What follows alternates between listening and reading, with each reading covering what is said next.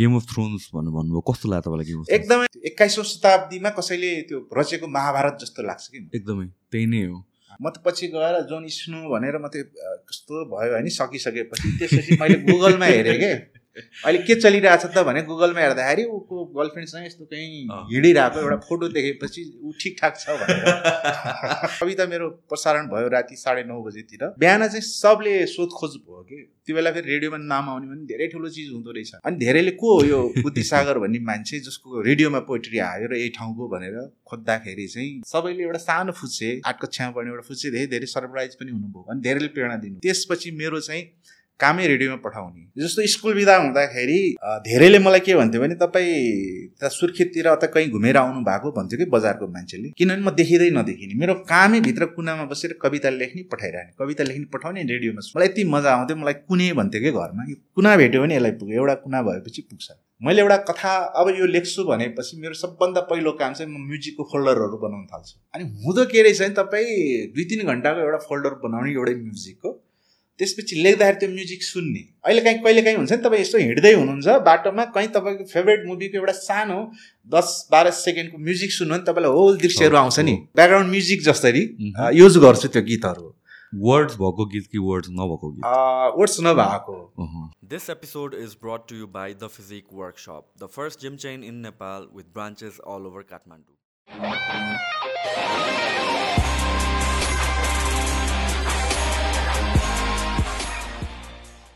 आजको podcast start गर्नुभन्दा अगाडि मसँग कर्णाली ब्लुजको तिनवटा साइन्ड कपी छ स्पेसल एडिसनको यो जित्नको लागि चाहिँ तपाईँले यो पडकास्ट इन्स्टाग्राममा सेयर गरेर मलाई ट्याग गर्नुभयो भने तपाईँको यहाँतिर मेन्सन हुन्छ मेरो इन्स्टाग्रामको आइडी त्यसबाट तिनजना ऱ्यान्डम विनरलाई हामीले सेलेक्ट गरेर यो पठाइदिनेछौँ। अघि ठ्याक्क तपाईँले एक्सप्लेन गर्नुभएको भएको थियो यो कभरको बारेमा। हजुर। त्यो पनि एकचोटि भनिदिनु न त अडियन्सले यहाँ कभर किन चेन्ज भएको छ? यति लेखिहालौँ अनि ल।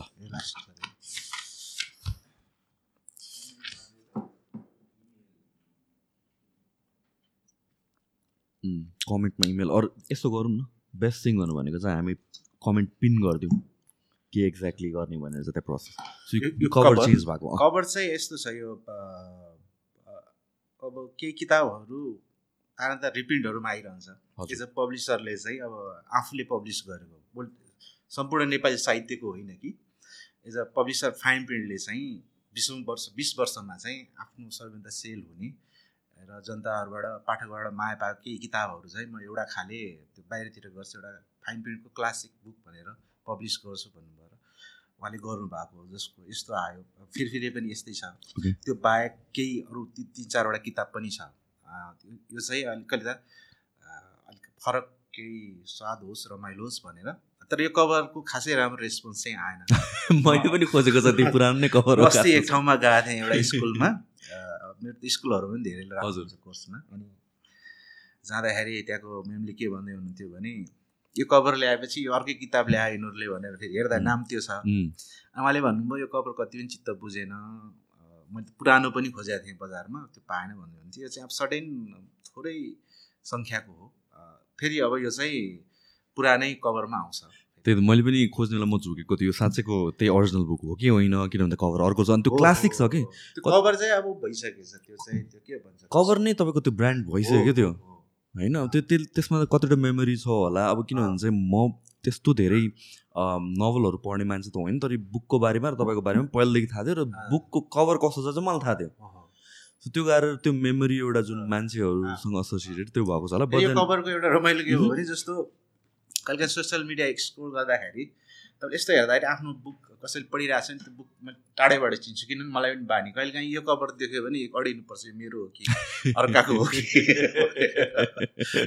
तलपट्टि छ। ओके सो हाम्रो अब कन्भर्सेसन यहाँबाट सुरु गरौँ है त। तपाईँको मैले थुप्रै इन्टरभ्यूहरू पनि हेरेँ होइन? तपाईँको जर्नी पनि इट स्टार्टेड विथ पोएमबाट कविताबाट। जर्नलिजमबाट अनि राइटरमा पुग्नु भयो र पोएम पनि कहाँबाट सुरु भयो भनेपछि रेडियोमा तपाईँको नाम आयो रेडियोमा पढिदिनु भयो भने भनेर। र त्योभन्दा पनि अगाडि रेडियोमा फेसिनेसन छ होइन? अब यो कतिवटा बुक चाहिँ कस्तो हुने रहेछ भनेर भन्दाखेरि फर इक्जाम्पल यो बुक पढ्दाखेरि पनि त्यो रेडियोको जमाना भने त्यो दिमागबाटै उडिसकेको छ कि मेरोमा? किन म पनि म नाइन्टिजको किड हो होइन? त्यतिखेर रेडियो भने चाहिँ अहिले अहिले पो रेलोभेन्ट छ नि त त्यतिखेर रेडियो भन्ने कुरा थियो घर घरमा हुन्थ्यो। अनि त्यो रेडियोभित्रको मान्छे भनेर जुन तपाईँले एक्सप्लेन गर्नुभएको छ त्यो त सबैजनालाई हुन्छ होला त्यो बेलाको। होइन रेडियोभित्र को छ के छ भनेर। तर त्यो कसरी तपाईँ फ्यासिनेट हुनुभयो? सबैजनालाई जिज्ञासा हुँदा पनि सबैजना त कविता त लेख्दैन नि त। तपाईँ किन रेडियोतिर त्यसरी फ्यासिनेट हुनुभयो? रेडियो अब कस्तो भयो भने म हुर्किएको जन्मिएको हुर्किएको कैलाली। मटेरा भन्ने ठाउँ हो जुन कर्णा बुझान उल्लेख छ। अनि त्यो ठाउँ कस्तो भने तपाईँको इन्डियासँग जोडिएको। त्यसले के हुन्थ्यो भने जस्तो तपाईँको सिनेमा सबैभन्दा चाँडै आयो भिडियो। त्यो बेला त अझ सिनेमा भनेको एउटा भिडियोमा देखाउने। भिडियो हेर्ने सिनेमा भनेको त्यो बाहेक तपाईँसँग तराईमा खोलामा पौडीहरू खेल्ने। त्यो बाहेक हाम्रो त थारू गाउँ नजिक थिएँ। त्यहाँ ज नौटङ्कीहरू हुन्थ्यो। भनेको चलेको सिनेमाहरूलाई फेरि उनीहरूले आफ्नो भर्सन बनाउँथ्यो यता नाटकको रूपमा। त्यो पनि हेर्न पायो। भनेको मनोरञ्जनको साधनहरू चाहिँ धेरै छ। तर पछि के भयो भने म सेभेन क्लास पास भएपछि मेरो बुवा जानुभयो कालीकोट। म सानो व्यापारी हो। त्यहाँ बिजनेस अलि राम्रो हुन्छ कि भनेर उहाँ जानुभयो। गएपछि म यस्तो ठाउँमा पुगेँ त्यहाँ कर्मचारीहरूले के भन्थ्यो भने मान मलाई एउटा यो जेल हो यो भनेर। जेल भन्नाले त्यो जेल पनि त्योभन्दा ठुलो स्पेसमा हुन्छ र अलिक ठुलो जेल। ए त्यो ठाउँ सानो भन्नाले त्यो कस्तो छ भने तपाईँ हेर्नुभयो भने यो सेम हो यो यता। पनि तपाईँको भिड भयो यता पनि भिड चारैतिर भिड अनि यो जुन पार्ट छ यति बजार हो। त्यो बजार चाहिँ तपाईँ अलिक स्पिडमा हिँड्नु भने पाँचदेखि आठ मिनटमा क्रस हुन्छ। अनि त्यहाँ चाहिँ मेरो चार पाँच वर्ष मैले त्यहाँ बिताएँ। अनि हुन्थ्यो के भने तराईबाट यति चिजहरू छोडेर गएँ कि त्यहाँ गएपछि कुनै पनि छैन साधन। तपाईँको। मनोरञ्जनको लागि। अनि त्यहाँ छ एउटा मात्रै चिज रेडियो। किन गीतहरू सुन्न मन लाग्छ गर्न लाग्छ। सो रेडियो नै सुन्ने भएँ म। अनि रेडियो सुन्दा सुन्दै अनि त्यो बेलामा त धेरै थिएन। पाँचवटा रेडियो थियो। भने छवटा हुन्थ्यो। एउटा सिंहदरबारको भयो पाँचवटा क्षेत्रमा भएपछि सुर्खेतमा थियो दिपायलमा थियो धनकुटामा पोखरामा क्षेत्रीय प्रसारण भन्थ्यो। अनि समयवश के हुन्थ्यो भने कालीकोटको त्यो अलिक टपमा भएको भएर यो पाँचै क्षेत्रको पनि टिप थियो। अनि मैले त्यो पनि कहाँ कहाँ साहित्य कार्यक्रम छ भनेर म सुन्थेँ। अनि टिपेर राख्दाखेरि त्यो छुट्याउँदिनँ थिएँ। अनि अरूको सुन्दा सुन्दै के भयो भने त्यहाँ अब मनोरञ्जनको कार्यक्रम हुन्छ। राति नौ बजेपछि त प्राय अब त्यो म्युजिकको प्रोग्रामहरू आउँथ्यो। गीतको बारेमा केही भन्थ्यो उद्घोषकले अनि बजाउने। अनि त्यो बाहेक चाहिँ तपाईँको अडियन्सहरूले पठाएको कविताहरू उनीहरूले पढिदिने। अनि कतिको पढ्दै गएपछि आफू पनि अलिक उराट उराट लाग्ने सम्झनाहरू तराईको साथीको आउने। अनि फेरि यता कालीकोटमा धेरै साथी पनि बनाउन सकेछ तपाईँको ल्याङ्ग्वेजै फरक छ क्या त्यहाँ? यो कतिको कति वर्षको उमेरमा यो? त्रिपन्न सालको कुरा हो भनेपछि त्रिपन्न भनेपछि अडतिस म पन्ध्र वर्ष चौध पन्ध्र वर्षको थिएँ। ल्याङ्ग्वेजै फरक के त्यहाँको? हाम्रो त सानो सानो व्यापारी एकजना आएर चट्टी देखाउनुहोस् भन्नुभयो कि? अनि अब मलाई लाग्यो यो हिन्दीमा भनिरहेको छ चड्डी होला भनेर। अब म कट्टु देखाउने। ऊ होइन चट्टी चट्टी भन्छ खासमा उहाँले भने चप्पल रहेछ कि? ए ओके। यो कहाँको भाषा छ यो कालीकोटको यो। कर्णालीको। भनेपछि त्यो एउटा ल्याङ्ग्वेजको पनि समस्या भयो। अनि त्यो कस्तो भयो नि राठ लाग्दो पनि भयो। कहीँ जाउँ के गरौँ त्यो पनि छैन भनेपछि नि अरूको पोइट्री सुन्दा सुन्दा अनि मलाई पोइट्री लेख्नु मन लाग्यो। कहीँ त आफूलाई व्यक्त गरौँ भनेर। सो मैले एउटा पहिलो पोइट्री लेखेर रेडियोमा पठाएको त्यो प्रसारण भयो। अनि कस्तो हुन्थ्यो भने त्यो बेलामा सबले रेडियो सुन्ने। त्यो त मान्नु भने सदरमुकाम हो। त्यहाँ तपाईँको ठुल्ठुलो सरकारी अफिसरहरू बस्ने त्यहीँ हो बिएसपी भन्छ सिडिओ एलडिओ ठुल्ठुलो पोस्टहरू बस्ने। अनि उनीहरू सबै सुन्दो रहेछ रेडियो। उनीहरूलाई पनि एउटा उराट त छ अरू केही छैन। अनि राति सबै त्यो एघार बजेसम्म सुत्ने तपाईँलाई त्यति सुन्नुभयो कि भएन। एघार बजे राष्ट्रगान आउँथ्यो कि लास्टमा। रेडियो बन्द हुनुभन्दा अगाडि। भने त्यहाँसम्म पनि सुन्ने अनि त्यसपछि निद्रा लागेन भने सर्ट वेबमा गएर त्यो लखनऊ सक्नौको त्यो पनि सुन्ने। तिनीहरू पनि टिप्थ्यो त्यहाँ टिप्थ्यो त्यो टपमा भएको त्यसरी सुन्ने अनि समयवश के भने एउटा कविता मेरो प्रसारण भयो राति साढे नौ बजीतिर। अनि बिहान चाहिँ सबले सोधखोज भयो कि त्यो बेला फेरि रेडियोमा नाम आउने पनि धेरै ठुलो चिज हुँदो रहेछ। अनि धेरैले को हो यो बुद्धिसागर भन्ने मान्छे जसको रेडियोमा पोइट्री आयो र यही ठाउँको भनेर खोज्दाखेरि चाहिँ सबैले एउटा सानो फुच्चे आठ कक्षामा पढ्ने एउटा फुच्चे धेरै धेरै सरप्राइज पनि हुनुभयो अनि धेरैले प्रेरणा दिनुभयो कि यो त तपाईँले धेरै राम्रो भनेर भन्छ अनि त्यसपछि मेरो चाहिँ कामै रेडियोमा पठाउने मेरो यो पाँचै क्षेत्र र केन्द्रीय प्रसारण गरेर मेरो वान थाउजन्डभन्दा बढी पोइट्रीहरू अन इयर भएको छ। सो त्यो बच्चे बेलादेखि पछिसम्म पनि? पछि म एसएलसीसम्मै पठाउने। एउटै प्रोग्राममा आठवटासम्म पढिदियो मेरो कविता भनेर म यति धेरै पठाएको छु कि त्यो सञ्चालकले बुद्धिसागर स्पेसल भनेर। त्यो मान्ममा के हुन्थ्यो भने अब त्यो चिठी पठाउन पनि तपाईँको खाममा होइन। सुरुको त। मैले फर्स्ट पहिलो चाहिँ मैले रजिस्टर गरेर पठाएको कि। रेजिस्टर भन्नाले कस्तो? चिठीको पनि हुन्छ एउटा दुई। रुपियाँको टिकट टाँसेर रजिस्टर भनेको के हुन्छ नि तपाईँको तौलिन्छ अनि तपाईँको पन्ध्र बिस रुपियाँ पर्थ्यो। त्यो। तौलेर अनि त्यसमा त्यो त्यो दर्ता गर्थ्यो र अब तपाईँको नर्मल चिठी चाहिँ। पुग्न पनि सक्छ नपुग्न पनि सक्छ। तर रजिस्टर चाहिँ पुग्छ। यदि त्यहाँ मान्छे फेला परेन फर्केर तपाईँ कहाँ आउँछ? अब उनीहरूले जिम्मेवारी लिने भयो रजिस्टर गरेपछि। अनि सञ्चालकहरू पनि त्यो रजिस्टर चिठीलाई महत्त्व बढिदिने रहेछ क्या। अनि त्यो भन्दा पनि फलानुको म रचना वाचन गर्दैछु उहाँले रजिस्ट्री चिठी पठाउनु भएको पनि भन्थ्यो क्या त्यहाँ। अनि मैले फर्स्ट चाहिँ रजिस्ट्री गरेर पठाएँ तर त्यो रजिस्टर गर्नलाई त्यति पैसा पनि हुँदैन। अनि म त फेरि पचास साठीको सङ्ख्यामा पठाउने एकैचोटि अनि मैले के फेला पारेँ भने त्यहाँ हवाई पत्र भन्ने हुन्थ्यो एउटा। यस्तो एफो साइजको हुन्थ्यो त्यसपछि त्यसलाई पट्याएर त्यो आफै चिठी बनाउनु। भित्र यस्तो यस्तो छ। तपाईँले यसमा लेख्ने हो। त्यसपछि यो पट्याएर ठ्याक्क। गरे गरेर यो चिठी बन्थ्यो अनि त्यसपछि त्यहाँ तपाईँले यस्तो थुक पानी लगाउनु भने यस्तो चप्काउनु मिल्यो। त्यसपछि त्यसमा पचास पैसाको टिकट आफै हुन्थ्यो। तपाईँले त्यो पठाउनु भयो भने त्यो पुग्थ्यो। अनि त्यो चाहिँ पाँच सयवटाको हुन्थ्यो एउटा। अनि मैले त्यो सब त्यहाँ आउने जति मैले किन्थेँ। त्यो हुलाकमा भए जति किन्थेँ म। त्यो छुट्टै स्पेसल काइन्ड अफ पेपर नै आउने भयो त्यो। हवाई पत्र भन्छ।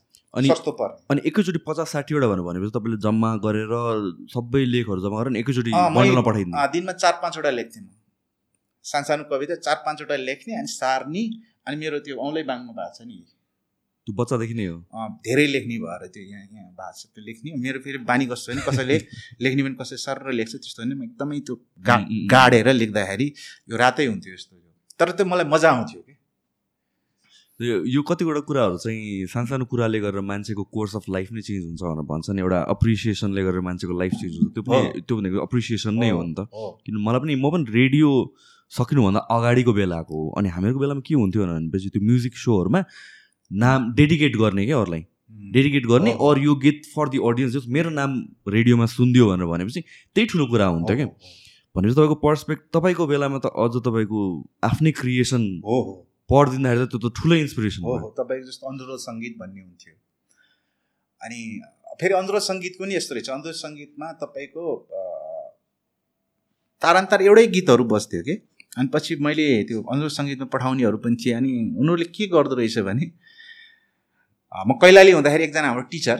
हुनुहुन्थ्यो। कर्ण कुँवर हो उहाँको नाम। उहाँको धेरै अनुरोध सङ्गीतमा नाम आउँथ्यो नेपालीको टिचर। पछि उहाँले एक दिन क्लासै लिनुभयो क्या। अनुरोध सङ्गीतमा कसरी पठाउनुपर्छ भनेर। अनि उहाँले एउटा ट्रिक के पढ्नुभयो भने तिन चारचोटि सुन्नु अनि कुन गीत धेरै आउँछ?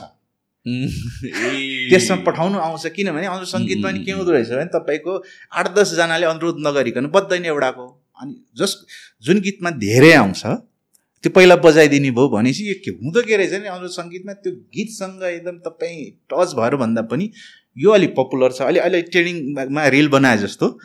अनि त्यो यो अलि बजिराख्दो रहेछ यसमा धेरैले पठाउँछ भने त्यसरी पठाउँदो रहेछ। उहाँले त्यो गर्दाखेरि भनेको। अब त्यो त्यसरी पनि मान्छेले गर्थ्यो। त्यो रेडियोमा नाम आउने भनेको फलानु ठाउँबाट भनेर। त्यो बेला त कस्तो हुन्थ्यो भने तारन्तार रेडियोमा नाम आइराख्ने अनुरोध सङ्गीतमाहरू पनि सेलिब्रेटी जस्तो हुन्थ्यो। यता वीरगन्जतिरको के कुर्बान हवारी के के मलाई नि याद छ। म चाहिँ बिरगन्जको हो फेरि। हो त्यहाँ कुर्बान हवारी यस्तै के भन्ने? मैले धेरै सुन्थेँ। हुँदा हुँदा कस्तो भयो भने अब त्यो अनुरोध सङ्गीतमा त्यो नाम आएन भने खल्लो लाग्ने भयो क्या। होइन यसको नाम आइरहेको छ यो मान्छेको भन्ने भयो। अनि त्यो खाले हुन्थ्यो। अनि अनुरोध सङ्गीतमै नाम आउँदाखेरि हुनेमा त झन् पोइट्री आउनु भने त। त्यो फेरि पोइट्रीको फेरि बेनिफिट के हुन्थ्यो भने जस्तो चक्र मानमा पाँच कालीकोटबाट बुद्धिस्ट सागरले पठाउनु भएको रचना। अब रचना सुनायो। धन्यवाद छ खाँडा चक्र मानमा पाँच कालीकोटका बुद्धिस्ट सागरलाई भनेपछि दुईचोटि तपाईँको एड्रेस सहित आयो।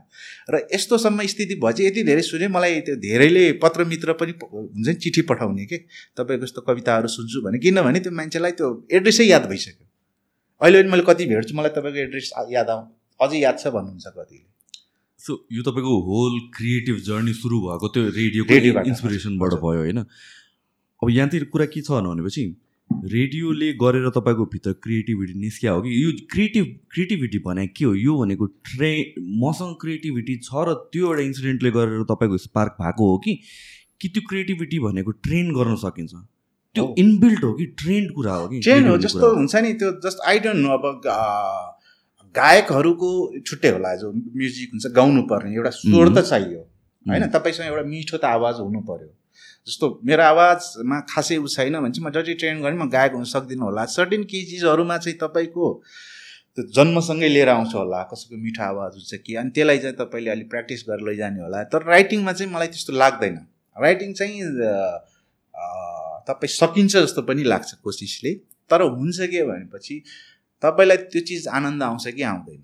जस्तो एक समय मलाई रेडियोमा नाम आयो भनेर त्यसले इन्सपायर पनि गर्यो इनर्जी पनि आयो। तर पछि चाहिँ मलाई के थाहा भयो भने यो काम चाहिँ मलाई मजा आउँछ। जस्तो स्कुल बिदा हुँदाखेरि धेरैले मलाई के भन्थ्यो भने तपाईँ त सुर्खेततिर अथवा कहीँ घुमेर आउनु भएको भन्थ्यो कि बजारको मान्छेले? किनभने म देखिँदै नदेखिने। मेरो कामै भित्र कुनामा बसेर कविता लेख्ने पठाइरहने कविता लेख्ने पठाउने रेडियोमा सुन्ने। मलाई यति मजा आउँथ्यो। मलाई कुनै भन्थ्यो कि घरमा? यो कुना भेट्यो भने यसलाई पुग्यो। एउटा कुना भएपछि पुग्छ. लेखिराख्थेँ। अनि मैले त्यहाँ के डिस्कभर गरेँ यो चिज चाहिँ मलाई धेरै आनन्द आउँछ. त्यो कष्ट भएन कि झन् झन् आनन्द आउने भएपछि लेख्ने चिज चाहिँ यो धेरै आनन्दको रहेछ भन्ने भयो। तर लेख्न मन लाग्छ भन्ने पनि थाहा भयो। तर यति धेरै अब जीवन नै यसमा बित्ला भन्ने पनि थिएन। तर त्यो बेला चाहिँ मैले के थाहा पाएँ भने यो लेख्ने कर्म आफूलाई व्यक्त गर्ने चिज चाहिँ मलाई एकदम बढी आनन्द आउँछ भने त्यहाँबाट डिस्कभर गरेँ। अनि हुन्छ के भने तपाईँले एउटा न्युज पेपर खोलेर हेर्नुभयो भने जस्तो तपाईँ फुटबल खेलाडी फुटबल मन पराउनुहुन्छ भने त्यो एउटा न्युज पढ्दाखेरि कसले कति गोल गर्यो कति गोल गर्यो तपाईँले त्यो न्युज पढ्नुहुन्छ तर तपाईँको माइन्डमा बस्छ। जस्तो तपाईँले दसवटा खाले भेराइटीको न्युज पढ्नुभयो भने तपाईँलाई जुन चिजमा बढी चासो छ त्यो दिमागमा यत्तिकै बस्दो रहेछ अरू यत्तिकै जान्छ। अनि त्यो राइटिङमा के भने अब मैले केही पढेँ भने राइटिङसँग सम्बन्धित केही पढेँ भने मेरो माइन्डमा बस्ने भयो। अनि त्यसले के भने मलाई पछि गएर अर्को चाहिँ के भने मैले एउटा पछि अर्को लेख्दै गएँ। किनभने त्यहाँ देखाउने मान्छे थिएन फेरि हेर्नुहोस् है। मैले यो कविता लेखेँ कस्तो भने हेरिदिने मान्छे पनि छैन। तर आफै परिमार्जन कस्तो भयो भने एउटा पछि अर्को अर्को पछि अर्को गर्दै जाँदाखेरि के रहेछ नि तपाईँको माइन्डले पनि गाइड गर्दै लैजाँदो रहेछ। अनि त्यो त्यो अझ रिदम मिल्दै जाँदो रहेछ जस्तो मलाई लाग्छ। सो कविताको अनि यस्तो रुल्स हुन्छ यस्तो एभ्रिथिङको प्रोसेस एउटा सर्टन वेमा त हुन्छ नि त। हुन त क्रिएटिभिटी भनेर भनेको त त्यो प्रोसेस ब्रेक गरेर फ्लो गर्न सक्यो भने झन् राम्रो हो। तर त्यही पनि केही न केही त एउटा सर्टन रुलहरू जस्तो त गाइडलाइन भनौँ न। त हुन्छ होला। सो त्यस्तो बेलामा तपाईँलाई केही पोएम कविता लेख्नुभन्दा अगाडि केही गाइडलाइन्स थियो कि यो सबै नेचुरली नै आउँदै गयो जस्तो मैले सुरुवातै गजल भनेर गरेँ। पोइट्री पनि कविता पनि होइन गजल भनेर गरेँ। तर गजलको के हुन्थ्यो भने तपाईँको अन्त्यानुप्रास मिलाउनै भन्छ जस्तो माथिको दुई लाइनको मिल्छ अन्त्यानुप्रास होइन साँझ भए जस्तो माझ भए जस्तो दुई लाइन मिल्यो। थर्ड लाइन चाहिँ तपाईँको ओपन भयो। त्यसपछि फेरि घाँस भए जस्तो भनेर त्यो एउटा खाले मैले अरूको पढ्दा पढ्दा थाहा पाएँ यो यस्तो गर्नुपर्ने रहेछ। तर पछि गएर आएपछि भन्छ मिश्रा काफिया के के भन्छ त्यसको नियम त मैले पछि बुझेँ। तर यो लेख्ने चाहिँ यसरी हो भनेर चाहिँ एउटा सालाखाला आइडिया थियो। अनि त्यसले कस्तो भने अलिक सजिलो पनि भयो मलाई। जस्तो मैले यता रात भात पात लेखेँ पहिला। केही रात जस्तो भात जस्तो अब अब मलाई सजिलो हो। भने चाहिँ त्यसरी लेख्दै गएपछि अनि यो हो भन्ने भयो अनि पोइट्री त अझै पछि आएको पोइट्री पनि मैले अब छन्दमा लेखिनँ। त्यो छन्दको त धेरै नियम हुन्छ।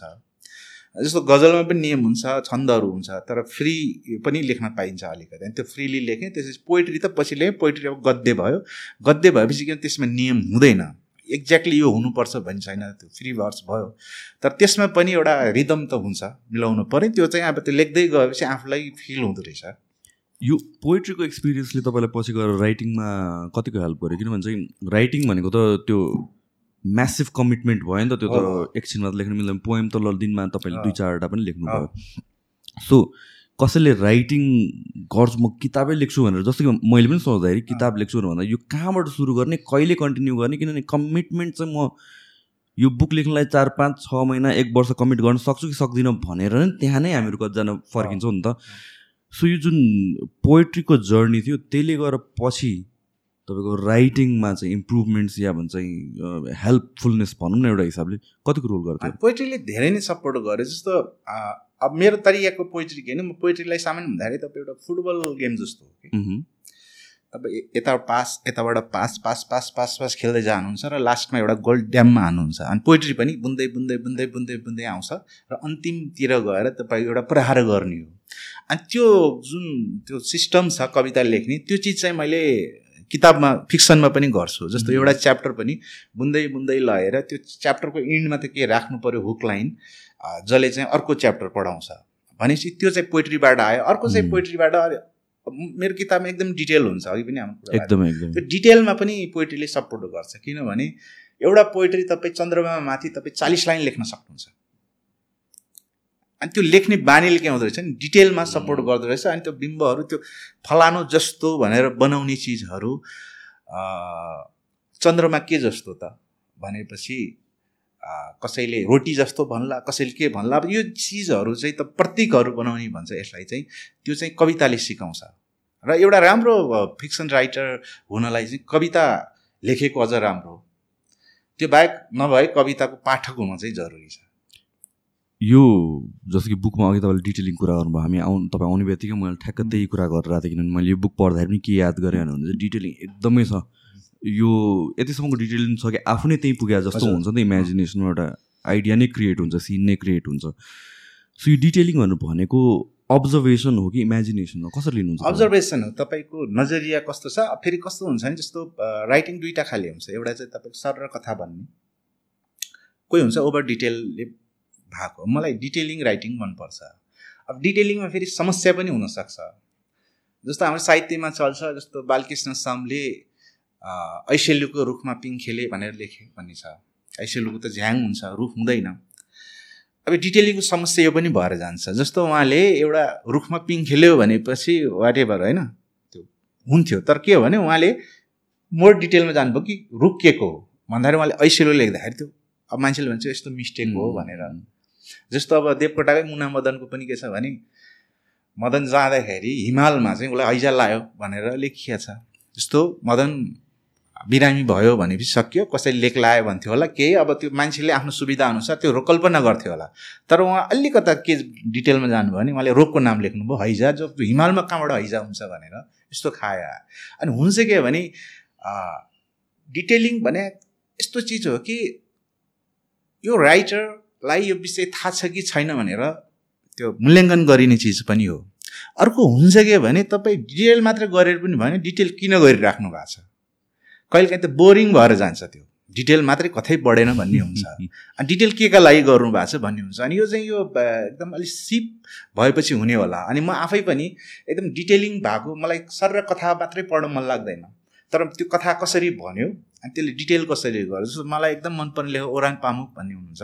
उहाँको तिन पेज छ त्यो यस्तो टेबलमा पाँच सातजना बसेर खाइरहेछन्। अनि त्यहाँ कसको कप कस्तो छदेखि लिएर एउटा सुन्तलाको बोक्रा छ कसैले छोडाएर राखेको छ र अर्कोले चाहिँ सुन्तलाको बोक्रोमा त्यो सिगरेट पनि त्यसरी मिचेको छ। भनेपछि त्यो चिजहरू मजा लाग्छ मलाई पढ्न। त्यही भएर म चाहिँ आफू डिटेलिङ राइटिङ पढ्ने भएर डिटेलको हुन्छ अर्को डिटेलको महत्त्व के हुन्छ भने जस्तो यो कर्णाली ब्लुजकै कुरोमा पनि एकजना डक्टरले मलाई के भन्नुभयो भने मैले इमर्जेन्सी वार्डको पढ्दाखेरि तपाईँले यस्तो डिटेल गर्नुभयो कि अनि मलाई लाग्यो यो यति अ, डिटेलमा चाहिँ इमर्जेन्सी वार्डको अथवा त्यहाँ हुने चिजहरू एउटा बाहिरको मान्छेले कसरी गर्यो? अनि उहाँले के भन्नुभयो भने जस्तो त्यो सुई लगाउँदाखेरि त्यो पहिला औषधि भर्छ अनि निडेलमा अनि यसरी मलाई याद छ। यसरी हान्छ नि औँलाले। त्यो भने अक्सिजन के हुन्छ त्यो जाओस् भनेर हान्छ अनि त्यसपछि लगाउँछ। अनि मैले के भने मैले यति पढेपछि मैले होल बुकलाई ट्रस्ट गरेँ।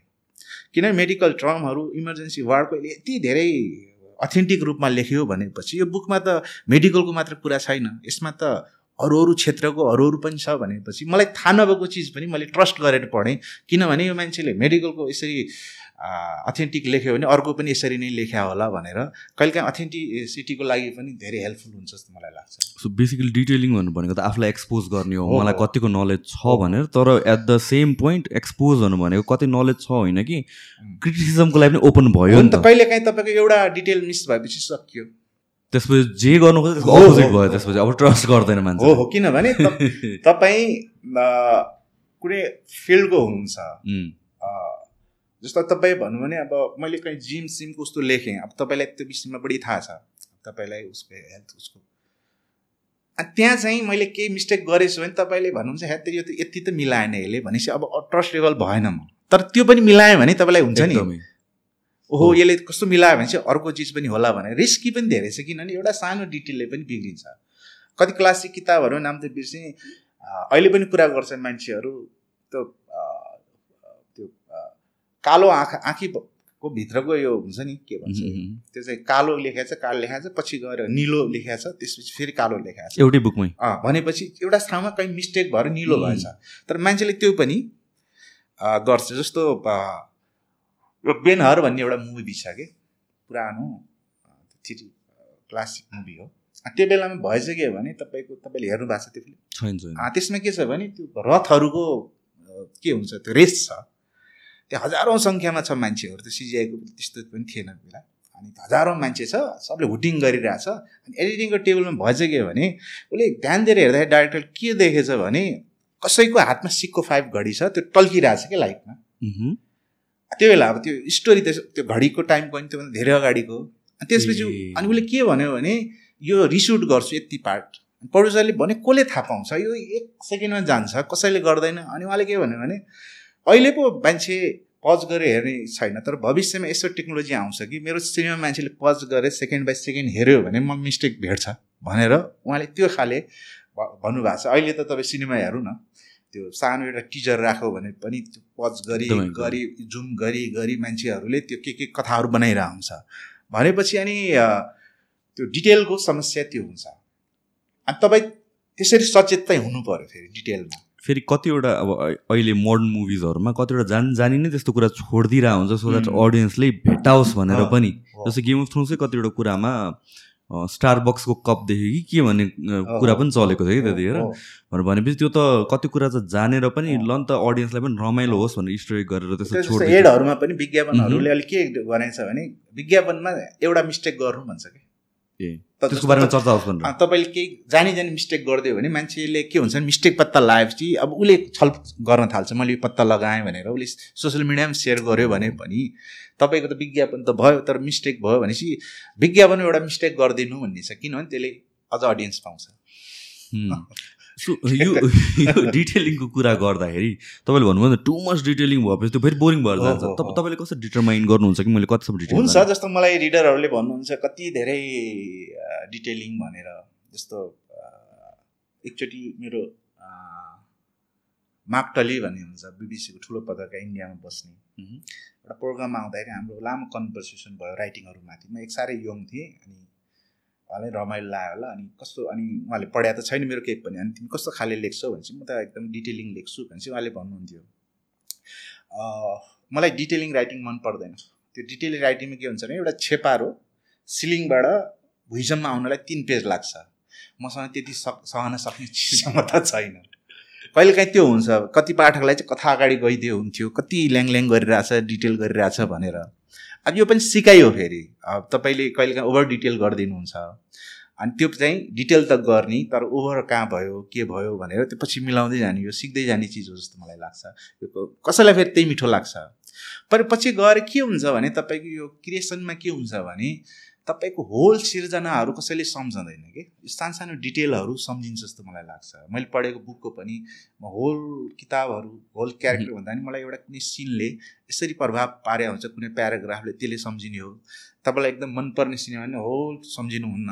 कुनै एउटा पार्ट एउटा पोइन्ट एउटा तपाईँले तिस सेकेन्डको कुनै सम्झिने हो भने सानसाना पार्टहरूले सम्झिन्छ जस्तो मलाई लाग्छ। अनि त्यो चाहिँ राइटिङमा चाहिँ त्यो मलाई लाग्छ त्यो प्याराग्राफ त्यो डिटेलहरूले धेरै सपोर्ट गर्छ जस्तो लाग्छ। यो बुक रिडिङको पर्सपेक्टिभमा पनि हेर्दाखेरि चाहिँ आई मिन यो नर्मल रहेछ। सबैले सुरुदेखि लास्टसम्म सबै सम्झिँदैन रहेछ भन्ने। कुरा चाहिँ at the end of the day भन्नु भने बुक पढिसकेपछि त्यसबाट मैले मेन कुरा के सिकेँ या के लिएँ या भन्छ नि स्पेसल पार्ट्सहरू चाहिँ लिने। रहेछ। सुरुमा सुरु सुरुमा मैले बुक पढ्दाखेरि चाहिँ मलाई चाहिँ कस्तो हुन्थ्यो भने पढ्दै गइसक्यो कतिवटा च्याप्टर गएपछि अगाडिको च्याप्टर बिर्सक्यो फेरि सुरु गरेँ अँ, एउटा बुक मैले अन्तपछि आठ दसचोटि पढ्थेँ कि पुरा सकाउन्जेलसम्म। त त्यसरी पछि नलाग्नु पर्ने रहेछ। त्यो नर्मल नै हुने रहेछ। नर्मल हो। एकदमै तपाईँले एभ्रिथिङ जस्तो एउटा बुक पढ्दाखेरि तपाईँलाई क्लियरली के थाहा हुन्छ तपाईँले? पाँचवटा नयाँ चिज थाहा पाएँ अथवा पाँचवटा चिज मन पऱ्यो अनि अर्को चाहिँ के हुन्छ भने तपाईँलाई थाहै नभए दसवटा चिजहरू सिकेको हुनसक्छ अथवा थाहा पाएको हुनसक्छ त्यो पछि गएर के हुन्छ हुँ। पाँच वर्षपछि तपाईँले केही चिजसम्म त्यो यसरी जोडिन्छ कि अनि तपाईँ ट्याक हुन्छ ओहो यो त त्यो। बुकमा पनि थियो त्यो यसरी जोडियो भनेर कति चिजहरू थाहा हुँदैन र एज अ रिडर्स पनि म पढ्दाखेरि पनि म कहिल्यै पनि म त्यो म सम्झिन पर्ने गर्नुपर्ने अथवा केही मिस भयो कि भन्दिनँ म चाहिँ सर जान्छु र जे जे। मेरो माइन्डले क्यारी। गर्छ त्यसरी जाने हो र न्यू रिडर्सहरूलाई प्रब्लम पनि त्यहाँ हुने रहेछ कतिजना साथीहरूले चाहिँ मैले किन थुप्रै बुक पढेको छु वान पोइन्टमा अनि त्यसपछि मैले साथीहरूलाई पनि रेकमेन्ड गर्थेँ बुकहरू अनि बुक पढेपछि उहाँहरूलाई चाहिँ के प्रब्लम हुने रहेछ भने चाहिँ पढ्दै गएपछि बिर्सिँदै जान्छ फेरि पढ्ने त्यही। कुरा हुने रहेछ। तर कपाल अफ बुक्स पढ्छ ए यो नर्मल हो भनेर चाहिँ नर्मल अहिले चाहिँ अब। अर्को के छ भने तपाईँको एकाग्रता नहुने होइन। एकदम एकदम। कस्तो छ भने अहिले चाहिँ धेरै छ। तपाईँ सोसियल मिडियाको यस्तो छ कि तपाईँको तपाईँ डेढ दुई मिनट एउटा चिजमा टिक्नु हुँदैन। तपाईँलाई नयाँ नयाँ नयाँ चिजहरू चाहिन्छ। भएपछि त्यसले के हुन्छ भने अहिले चाहिँ झन् तपाईँ एकाग्रता नहुने कारणले हो। जस्तो तपाईँले बुक पढ्न थाल्नुभयो आनन्दले पढिराख्नु भएको छ। कहाँ गएर कुन लाइन पढ्नुहुन्छ त कुनै शब्द पढ्नुहुन्छ कुनै दृश्य आउँछ त्यसपछि तपाईँ के हुन्छ नि तपाईँको आफ्नो मेमोरीमा कनेक्ट हुन्छ त्यो। अर्को दुनियाँमा पुग्यो भने तपाईँको मेमोरीमा त्यो चलिरहेछ। तपाईँको आँखाले चाहिँ पढिराख्नु भएको छ। र दुई पन्ना पल्टेपछि तपाईँ झसङ्ग हुनुहुन्छ। दुई पन्नाभरि मैले के पढेँ त? किनभने एक ठाउँबाट गयो अनि फेरि अगाडि आएर तपाईँले त्यो फेरि क्यारी गर्नुपर्ने हुन्छ। यो धेरैलाई समस्या हुन्छ। त्यस्तो हुन्छ हुन्छ? हुन्छ त्यसको लागि के छ भने अब टिप्स चाहिँ के हो भने तपाईँको यो फेरि लिट्रेचरमा मात्र होइन कुनै पनि बुकमा के लागु हुन्छ भने तपाईँले पढ्नुपर्ने छ तपाईँको माइन्ड यताउता भड्किन थाल्यो भने चाहिँ तपाईँले त्यो आवाज निकालेर पढ्ने कि? दुई पेज चाहिँ तपाईँले आवाजै निकालेर पढ्नु भने चाहिँ तपाईँको एकाग्रता फर्किन्छ यो चाहिँ फेरि यो मैले आफै पनि गर्छु र लागु पनि हुन्छ। तपाईँको ध्यान गएन भने कोर्सी किताब पनि हुन्छ तपाईँले आवाज निकाल्नु भने त्यो त्यो त्यो आवाज पनि कानले लिने भयो अनि त्यसले के हुँदो रहेछ त्यो एकाग्रता आउँदो रहेछ। यो चाहिँ मेरोमा एकदमै कमन आइराख्ने थिम हो कि यो एटेन्सन स्प्यानको कुरा तपाईँले जुन भन्नुभयो। एकदमै हराउँदै गइरहेछ पहिला पहिला किन भन्छ हामीहरूको त इन्फर्मेसन कसरी लिने भने भन्दा बुकबाटै हो पहिला। बुकबाट गएर के भयो भनेपछि अलिक सर्टर भएर मुभीहरू बन्न थाल्यो होइन। एउटा बुक पढ्न अठार बिस घन्टा लाग्छ। भनेपछि मुभी दुई घन्टा तिन घन्टामा। सक्यो। हुँदा हुँदा मुभी पनि आजकल डेढ घन्टाभन्दा लामो हुँदैन। त्यसपछि हामीहरू घट्यौँ युट्युबको जमानामा दस पन्ध्र मिनटको भिडियोहरू। त्यसपछि इन्स्टाग्राम चार पाँच मिनट हुँदा टिकटक पन्ध्र सेकेन्ड।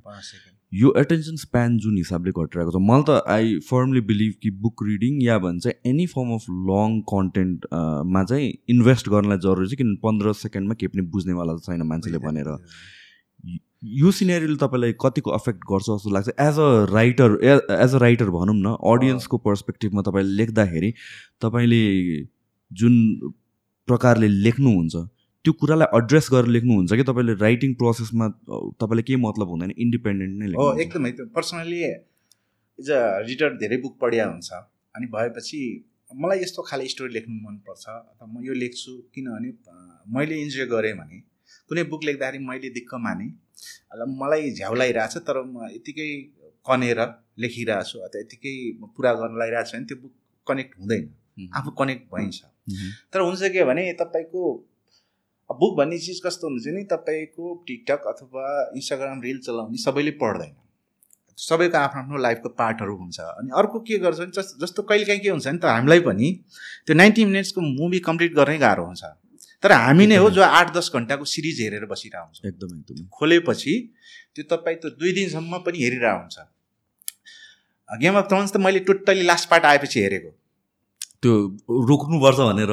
होइन होइन मैले पहिला हेरिनँ म त्यति धेरै थाहा पनि थिएन। पछि त्यो लास्ट लास्ट पार्ट आउनु थाल्यो त्यसको सोसियल मिडियामा एकदमै हुन थाल्यो। अनि के रहेछ भनेर गर्दाखेरि तपाईँको त त्यो धेरै छ नि कतिको घन्टा छ त्यो भन्नु त सत्तरी घन्टा हो कि? एकदम धेरै अनि जियोस् अनि मैले दस बाह्र आई डोन्ट नो कति हो मैले टोटल्ली मैले फर्स्टदेखि हेरेँ। र धेरैले ईर्ष्या पनि गरेँ अब म सुरु गर्दैछु भन्दाखेरि धेरैले हेरिसकेकोले भने हात तेरिका तपाईँ अब कति इन्जोय गर्ने होला? अनि हुन्थ्यो के भने अरूलाई के हुँदो रहेछ नि एउटा सिजन आयो अर्को सिजन कुर्नु पऱ्यो त्यो पनि भएन। मैले टोटल्ली डाउनलोड गरेर हेर्दाखेरि मलाई कस्तो भइसकेको थियो नि मेरो दुईवटा दुनियाँ जस्तो भइसकेको थियो क्या हेर्दा हेर्दा। तर हामी त्यसरी पनि हेर्न सक्छौँ। जस्तो अनि उपन्यासको भविष्य भन्छन् मान्छे यस्तो टेक्नोलोजी आयो अब उपन्यासहरूको के हुन्छ भन्दाखेरि मलाई त्यस्तो लाग्दैन। आशा लाग्छ कि एउटा सिरिज किन मान्छे त्यति हेर्छ भने चाहिँ सिरिजमा हुन्छ कि? अब नाइन्टी मिनट्सको फिल्ममा के हुन्छ नि एक क्लियरको स्टोरी जाने तर सिरिजहरूमा के हुन्छ नि त्यसमा धेरै क्यारेक्टरहरू हुन्छ धेरै प्लटहरू हुन्छ अनि धेरै क्यारेक्टरको ब्याकग्राउन्डहरू हुन्छ अनि त्यो सबै जोडिँदै आउने हो र एउटा नोभेलमा हुने पनि त्यही हो। अनि त्यो खालि इन्जोय गर्नेले फिक्सन पनि गर्छ जस्तो लाग्छ। अर्को चाहिँ हुन्छ के भने जसलाई किताब पढ्ने बानी लगाएको छ उसलाई त्यो शब्दहरू त्यो प्रोसेसले पनि मजा आउँछ। जस्तो पढ्दाखेरि किताबमा कथा मात्र हुँदैन प्याराग्राफहरू हुन्छ अनि कस्तो हुन्छ नि सिनेमामा अथवा उसमा त्यो दृश्यहरू बढी हुन्छ। बाहिरी चिजहरू बढी हुन्छ। यसमा के हुन्छ नि आन्तरिक वर्णन बढी भयो। मैले यस्तो सोचेँ भनेर सिनेमामा सोचेको देखाउनु कति गाह्रो हुन्छ।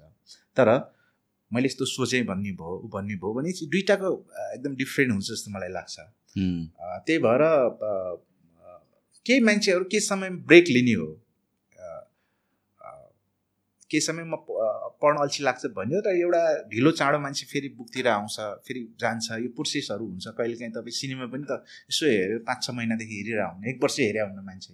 फेरि हेर्न थाल्छ। त्यो त्यो क्रिएटिभ उसमा त्यो चल्छ जस्तो लाग्छ मलाई। र अर्को कुरा बुकको ब्युटी के हो भनेर भनेपछि बुकमा चाहिँ एउटा लेखा हुन्छ र लेखेको भरमा हामी इमेजिन गर्छौँ नि त। बुक त यतिकै सर। मात्र पढ्दैनौँ। हामीले क्यारेक्टर सिनेरियो एभ्रिथिङ इमेजिन गरे हुन्छ। त्यसैले त अब कतिवटा नामी नामी बुकहरूको मुभी बन्छ अनि त्यसपछि त्यो रिडरहरू डिसपोइन्ट हुन्छ कि? किन उसले त्यो क्यारेक्टर अर्कै हिसाबले इमेजिन गरेछ। उसले त्यो सिन अर्कै हिसाबले इमेजिन गरेछ अब त्यो डिरेक्टरले त्यही नै कपी गर्छ भने हो, जरुरी छैन। मैले नर्वेजियनवुड मलाई एकदम फेभरेट बुक हो। मैले फिल्म हेरेपछि म टोटली गएँ। भयो के भने अब सिनेमाको लागि एउटा अब लेन्थको हिसाबमा पनि उनीहरूले त्यो सबप्लटहरू कति फालिदियो। त्यसको त्यो मेन दुइटा क्यारेक्टर भन्दा मलाई साइडमा त्यो मन्दोरी के भन्ने क्यारेक्टर त्यो बढी मन पर्थ्यो क्या। भने त्यो क्यारेक्टरै उनीहरूले सकेसम्म मिनिमाइज गर्यो त्यो फालिदियो क्या त्यसको इन्ड नै। अनि त्यो दुइटाको गऱ्यो अनि त्यो किताबको सबभन्दा फेभरेट पार्टै देखिनँ मैले। अर्को त्यो तपाईँले भने जस्तो इमेजिनेसन तपाईँको एउटा नायिकाको एउटा राइटरले जति नै यस्तो ड्रेसअप लगाएको छ यस्तो यस्तो भने तपाईँ टोटल्ली वर्णन गरे पनि उसँग सुविधा के छ भने उसलाई कुनै मनपर्ने आफ्नो क्रस कहीँ देखेको त्यो उसमा जोड्ने भयो उसले। अनि त्यसले त्यो नायिकासँग उसको अझ अट्याचमेन्ट हुने भयो। सिनेमा के हुन्छ नि तपाईँलाई मन नपर्ने खाले कत्काठीको पर्देला। अनि त्यहीँबाट सकिन्छ। अर्को के हुन्छ भने झरी यसरी परेको थियो झरीमा चिसो बतासहरू थियो त्यसपछि गएर पानीका थोपाहरू चिट्टिरहेको थियो मेरो यस्तो शरीरमा परिरहेको थियो भन्दा। किताबमा वर्णन छ तर तपाईँले आफूलाई सबभन्दा मनपर्ने झरी जोड्नुहुन्छ त्यहाँ। त्यसले के हुन्छ भने तपाईँसँग त्यो कनेक्ट भयो। अनि हुन्छ के भने जस्तो स्टोरी राइटिङ अब म बिचमा एउटा दुइटा सिनेमा पनि लेखेँ मैले स्क्रिप्टहरू त्यो लेख्दाखेरि के हो भने त्यो स्टोरीले नै कुनै स्टोरी दृश्य माग्दो रहेछ। कुनैले शब्दहरू माग्दो रहेछ। कहिलेकाहीँ शब्द माग्ने कथालाई दृश्य दिनु भने त्यो बिग्रियो। अनि कुनै चाहिँ दृश्य खोज्ने कथालाई तपाईँले शब्द दिन बिग्रियो। भने त्यो सबै स्टोरीले सबै भोगाइहरूले सबै घटनाहरूले चाहिँ त्यो त्यो के भन्छ वे भन्छ नि म यसमा फिट हुन्छु भने तेरो विषयले पनि माग्दो रहेछ जस्तो मलाई यो लाग्छ सिम्पल ट्रान्सलेसन जस्तो कुरा चाहिँ होइन होइन, यो जस्तो बुकबाट। चाहिँ गाह्रो छ। बुकबाट धेरै नै गाह्रो हुन्छ किनभने त्यो मान्छे अर्को हिसाबमा कनेक्ट अँ, त्यही भएर म चाहिँ बुकैबाट सिनेमा बनाउने भन्ने कहिले काहीँ के हुन्छ नि थ्रिलर टाइपको होइन यो चिजहरू चाहिँ फेरि पपुलर पनि भएको छ जस्तो द भिन्ची। कोडहरूदेखि लिएर the girl dragon the girl the girl on the train पनि छ। हो यिनीहरू चाहिँ कस्तो भने अलिक थ्रिलर भयो। यिनीहरू चाहिँ म्यानेज भयो। तर कहीँ कहीँ मोर लिटरेरी भएको चाहिँ अलिक गाह्रो नै हुन्छ जस्तो मलाई लाग्छ। तपाईँले गेम अफ थ्रोन्स भन्नु भन्नुभयो कस्तो लाग्यो तपाईँलाई गेम एकदमै मलाई त एकदमै त्यो मैले भने दुइटा भयो अब म त पछि गएर जोन स्नो भनेर म त्यो अ, कस्तो भयो होइन सकिसकेपछि त्यसपछि मैले गुगलमा हेरेँ के? अहिले के चलिरहेछ त भने गुगलमा हेर्दाखेरि ऊको गर्लफ्रेन्डसँग यस्तो कहीँ अँ। हिँडिरहेको एउटा फोटो देखेपछि ऊ ठिकठाक छ भनेर क्यारेक्टर मर्ने बेला अँ, जस्तो मलाई अब नाम त मैले बिर्सेँ मलाई धेरै त्यहाँ अँ। अझ मेन भन्दा नि मलाई साइड क्यारेक्टरहरू धेरै मन पर्यो अनि त्यो मलाई एकदमै टच भएको त्यो होल्डरको स्टोरी। उसको जुन उपकथा छ। उसले किन त्यस्तो भन्छ भन्दाखेरि त्यसमा एकदमै मन छुने छ नि त होल्ड द डोर भन्दा भन्दै भन्दै होल्डर भनेर अनि त्यो पछि के हो भने त्यो राइटरले त्यो इन लेखाएको छैन नि त अनि उसलाई पनि त्यो जब मान्छेलाई मन परेन धेरैलाई चाहिँ एकदमै त्यो लास्ट पार्ट मन परेन अनि पछि ट्विटरतिर त्यो राइटरलाई भनिरहेको हुन्थ्यो कि प्लिज अब चाँडै झिक्नु पऱ्यो हामीलाई यो भयो भनेर। राइटरले त लेखाएको छैन। तर पनि त्यो एकदमै त्यो डिफ्रेन्ट खाले त्यो एउटा ऊ हो त्यो एक्सपिरियन्स भन्छ नि। त्यो चाहिँ एकदम मजा आयो। त्यो त्यो हुन्छ नि त्यो त्यो एक्काइसौँ शताब्दीमा कसैले त्यो रचेको महाभारत जस्तो लाग्छ कि एकदमै। त्यही नै हो। म पनि तर म मेरो चाहिँ के जर्नी भयो भने त मैले फोर्थ कि फिफ्थ सिजनदेखि फलो गर्न थालेँ हो। म गएर लास्ट सिजन चाहिँ मैले सकाउन सकेन। लास्ट सिजनको कपाल अफ दुई तिनवटा एपिसोड एकदमै स्लो छ जस्तो लाग्यो मलाई। त्यो म कट्नै सकेन। अनि त्यसपछि पछि हेर्छु पछि हेर्छु भन्दा भन्दा अनि त्यसपछि जुन अब स्टोरी त थाहा भयो एन्डिङ अनि जुन हिसाबले ब्याकल्यास पायो नि त गेम अफ थ्रोन्सले त सबै यस्तो फ्यान कमाएको लास्टमा गएर थुप्रैले गाली गर्यो। कस्तो गरेर सकाएको भनेर। अनि त्यसपछि त्यो लास्ट सिजन चाहिँ मैले अहिलेसम्म हेरेको छु हेरेको छैन लास्ट सिजन चाहिँ एउटा। अब आई डोन्ट नो त्यो जस्तै स्लो एउटा रिदममा हुन्छ लास्ट. पार्ट चाहिँ कस्तो भने फास्ट फेरि कति छ फेरि मलाई चाहिँ सबभन्दा बेस्ट नै लास्ट लाग्यो भने अब मान्छेको आफ आफ्नो होला। तैपनि मलाई चाहिँ अझ बेटर हुन सक्थ्यो। यति सजिलो गरिनु हुन्थेन भने भयो समस्या त्यही भयो कि जो राइटर हो उसले चाहिँ त्यो लास्ट पार्ट लेखेकै छैन उसको त बुक आउनै बाँकी छ। कहिलेकाहीँ चाहिँ कस्तो हुन्छ भनेपछि मुभीहरू पनि हेर्छु सिरिजहरू पनि हेर्छु क्या राम्ररी एउटै सानो सिनमा कति टाइम इन्भेस्ट गरे हुन्छ अनि स्टोरी मजाले बिल्ड गरे हुन्छ एन्डिङ चाहिँ रस्ट गरेर सकाइदिए जस्तो लाग्छ कि? हतार हतार हतार सकाइदिए जस्तो लाग्छ कि? यो पनि अब मैले हुन त हेरेको छु नि त रिभ्यूहरू सुन्दाखेरि कतै कतै त्यस्तै रियाक्सन मोस्ट पिपलहरूको आइरहेको थियो। सो अब अर्को कुराहरू भनेको जुन यो राइटिङ प्रोसेसमा छ तपाईँको राइटिङ प्रोसेसको बारेमा अलिकति डिस्कस गरौँ। युजली स्पेसली फर यङ अडियन्सहरू हुन्छ या people who want to start writing हामीहरूले जसले बुक लेख्ने एक्सपिरियन्स नै भएको छैन। हामीले सोच्दा त यो त अति कहाँबाट सुरु गर्ने कहाँ खत्तम गर्ने अब यो कति टाइम लाग्ने हो यो त एउटा प्रोजेक्ट नै हो नि त। यु एज अ राइटर र तिनवटा ठुलो बुक र एउटा अहिले रिसेन्टली अर्को बुक पनि लेख्नु भएको छ। तपाईँको यतिवटा बुक लेखिसकेपछि प्रोसेस कहाँबाट सुरु हुन्छ? फ्रम द पोइन्ट कि म अब बुक लेख्छु भनेर। यो बुक लेख्छु भनेर आउने हो कि मसँग कथा आफै आउने अब मैले बुक लेख्नुपर्छ भन्ने हो। अब यो एकदमै कन्फ्युज हुन्छ। तर मुख्य के हुन्छ भने एउटा चिज चाहिँ मुख्य चिज के हो भने जस्तो मैले कर्णाबुज लेख सुरु गर्दाखेरि म छब्बिस सत्ताइस वर्ष थियो मेरो एज। छब्बिस सत्ताइस सत्ताइस वर्ष थियो जब मलाई लाग्यो म नोभेल लेख्छु।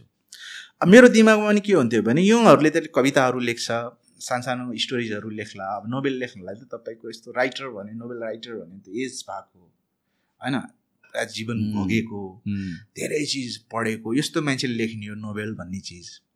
भन्ने हुन्थ्यो तैपनि मलाई चाहिँ यो विषयमा लेख्नु छ जस्तो म धेरै बसाइ सराई गरेँ गएँ अनि जस्तो यसमा भएको कटासे बजारहरू छ मलाई धेरै मेमोरीमा हन्ट भन्छ नि त्यो आइराख्ने ड्रिमहरूमा पनि आउने अनि मेरो बुवाको डेथ पनि भयो अनि त्यो चिजहरूले गरिराख्दाखेरि त्यो ट्रमा जस्तो हुन्छ नि त्यसबाट मुक्त हुनुलाई म यो लेख्छु भने मैले। अनि धेरैले के गर्दैछु आजकल भन्दाखेरि म नोभेल लेख्दैछु भने चाहिँ धेरैले भन्थे यो भर्खरको छ यस कसरी लेख्ने? लभ स्टोरी हो कि लेख्न लाग्यो होइन? लभ स्टोरी के केटाकेटी भेट भयो यस्तो लभ पऱ्यो बिछोड भयो यस्तै त लेख्ने होला यसले भन्थ्यो होइन? अनि मैले होइन नोभेल हो म ठुलै भोलुम लेख्छु जस्तो लाग्यो भने। धेरैले चाहिँ त्यो मायाले नै तिस पैँतिस त बन न एज होइन। अझै भोग जीवन अझै धेरै पढ। त्यसपछि लेखे हुन्छ। अहिले त किन वेस्ट अफ टाइम पनि जान सक्छ नहुन सक्छ भनेर धेरैले चाहिँ कस्तो भने प्रेमले सुझाव दिएको। तर अलिक डिस्करेज जस्तो पनि हो कि तर मलाई के भने म यो पुरा चाहिँ लेख्छु। म जे सुरु गरेँ त्यो इन्ड चाहिँ गर्छु। यदि भएन भने चाहिँ म बरु नछापाउँला।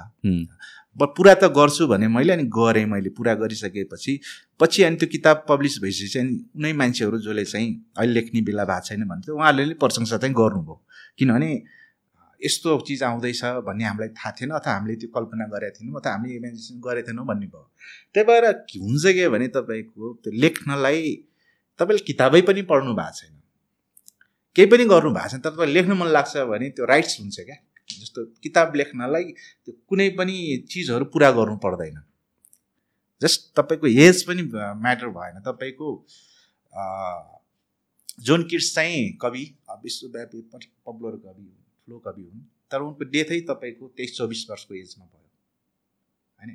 जसको डेथै तेइस चौबिस वर्षको एजमा भयो तर उहाँको वर्ल्ड वाइड रिनाउन्ड एउटा महान कवि हुनुभयो। भनेपछि उहाँले कति सालमा लेखेर होला? भनेको अर्को छ फेरि मान्छेहरू अडचालिस पचास वर्ष मलाई अब मनपर्ने लेखक छन् पाउलो कोइलो भन्ने। उनले सुरु गरेकै फोर्टिजमा हो। भने चालिस पुगेपछि लेख्न सुरु गर्यो। भनेपछि एजको म्याटर भएन। तपाईँलाई धेरै चिज थाहा हुनु पनि जरुरी भएन। तर तपाईँलाई कस्तो भने तपाईँलाई केही चिज छ। जस्तो म लेख्छु भनेर मैले के लेख्ने होला? भने जब तपाईँ कथा खोज्न थाल्नुहुन्छ त्यो कन्फ्युजन हो जस्तो मलाई लाग्छ। म एउटा नोभेल लेख्छु। अब तपाईँ कथा के लेख्ने होला भने तपाईँले सोच्न थाल्नु भने त्यो अलिक सुरुवात अलिक गडबड भयो। तर तपाईँसँग के चिज छ? त्यो चिज चाहिँ म लेख्छु भनेर तपाईँलाई केले चिज हानिरहेछ के चिज फिल भइरहेछ अथवा केही चिजबाट तपाईँ मुक्त हुन चाहनुहुन्छ भने तपाईँलाई त्यस्तो भइरहेछ भने चाहिँ सबभन्दा बेटर टाइमै यही हो जस्तो मलाई लाग्छ। त्यो केही चिज हुनु पऱ्यो जो कागजमा लेखिएपछि तपाईँलाई हल्का पनि हुन्छ र त्यो चिजबाट मुक्त पनि हुनुहुन्छ तर त्यो चिज तपाईँलाई भन्नु छ सुनाउनु छ भन्ने अरूलाई लाग्छ भने चाहिँ राइट टाइम त्यो जस्तो मलाई लाग्छ। फेरि विषयमा पनि धेरै सोच्नुहुन्न। त्यो लिटरेचरमा यो विषय ऊ भन्ने हुँदैन। तपाईँको तपाईँको थटमा तपाईँको माइन्डमा जे छ जे विषयसँग तपाईँ बढी कनेक्ट हुनु भएको छ त्यही विषयहरू लेख्ने जस्तो पनि मलाई लाग्छ। यो कर्णाली ब्लुज जुन बुक छ तपाईँको यो भनेको तपाईँको स्टोरी हो कि यो फिक्सन हो? कसरी लिनुहुन्छ तपाईँ? यसमा पनि अब त्यो आइसिएस धेरैले अब उस उसकै लेखकै होला भने जस्तो यसमा चाहिँ अब यसमा उल्लेख भएको ठाउँहरू स्थानहरू परिवेशहरू चाहिँ रियल हुन्। जस्तो कडासी बजार मटेरा कालीकोट एभ्रिथिङ सबै हो। अनि यसमा भएका क्यारेक्टरहरू पनि यस्ता क्यारेक्टरहरू छन्। तर कस्तो छ भने एउटै व्यक्ति एउटा क्यारेक्टर भएको छ नि यसमा। जस्तो यसमा एकजना भरिया छ जरीलाल भन्ने। चिसापानीबाट सामान बोकेर कालीकोट लैजाने सिरेजुलामा बस्ने त्यहाँबाट गाउँलेहरूको त्यो अर्डर लिएर सामानहरू ल्याइदिने पैसा ल्याइदिने त्यसपछि गएर एउटा माओवादीको आरोपमा समातिने उहाँको होल प्रोसेस भयो नि त्यो भने एउटा व्यक्ति होइन मैले तिनवटा छुट्टा छुट्टै स्टोरीहरू देखाएको थिएँ। एउटा हिँडेर जानेसँग पनि मैले देखाएको थिएँ उताबाट आउने पनि देखाएको थिएँ र अर्को चाहिँ माओवादीबाट समातिएको देखेको थिएँ। भनेपछि अब त्यो तिनवटा चाहिँ तिन पार्टमा रियल हुन् तर जोड्दाखेरि चाहिँ. समग्र एउटा क्यारेक्टर चाहिँ अब टोटली रियल भएन। यसरी चाहिँ हुन्छ कहिलेकाहीँ तपाईँले देखेको एउटा मान्छे तिनवटा क्यारेक्टरमा आइदिन्छ। अनि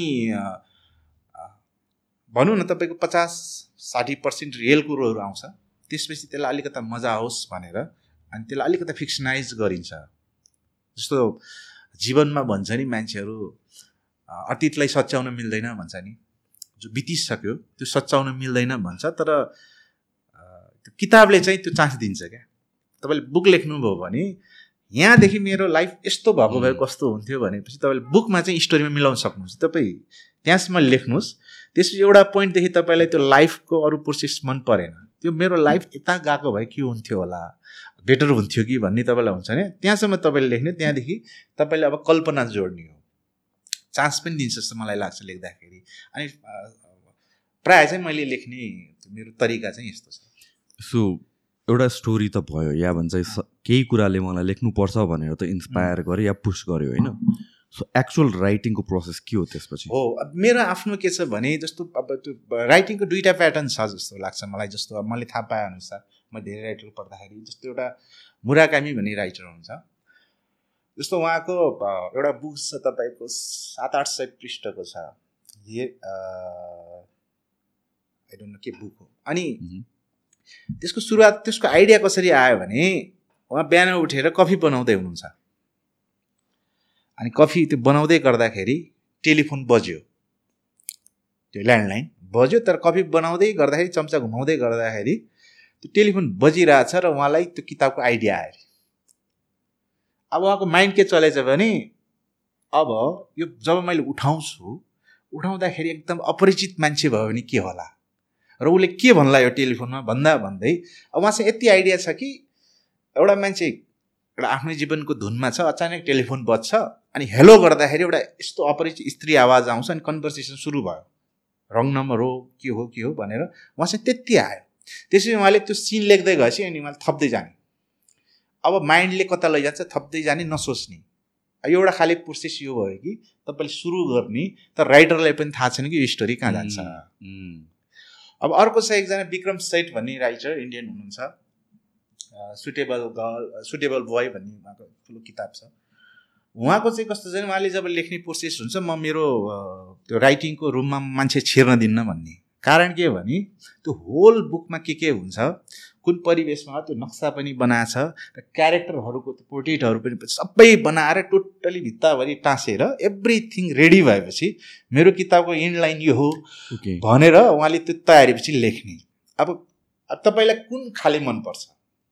अब हार्गे मुर्गामी स्टाइल मनपर्छ कि विक्रम सेट मनपर्छ साला खालाई दुइटा चिजहरू हो। मेरो चाहिँ दुइटै सिमिलरली हुन्छ। म चाहिँ कुनै अब यो विषयमा लेख्छु भन्ने हुन्छ र मलाई सबैभन्दा समस्या के हुन्छ मैले स्टार्ट कहाँबाट गर्ने? ओपनिङ के हुन्छ मेरो भन्ने हुन्छ। अनि मलाई त्यो सिनहरू चाहिन्छ। म डिटेल दृश्य चाहिँ कहाँबाट हुन्छ भने त्यो दृश्य लेख्छु।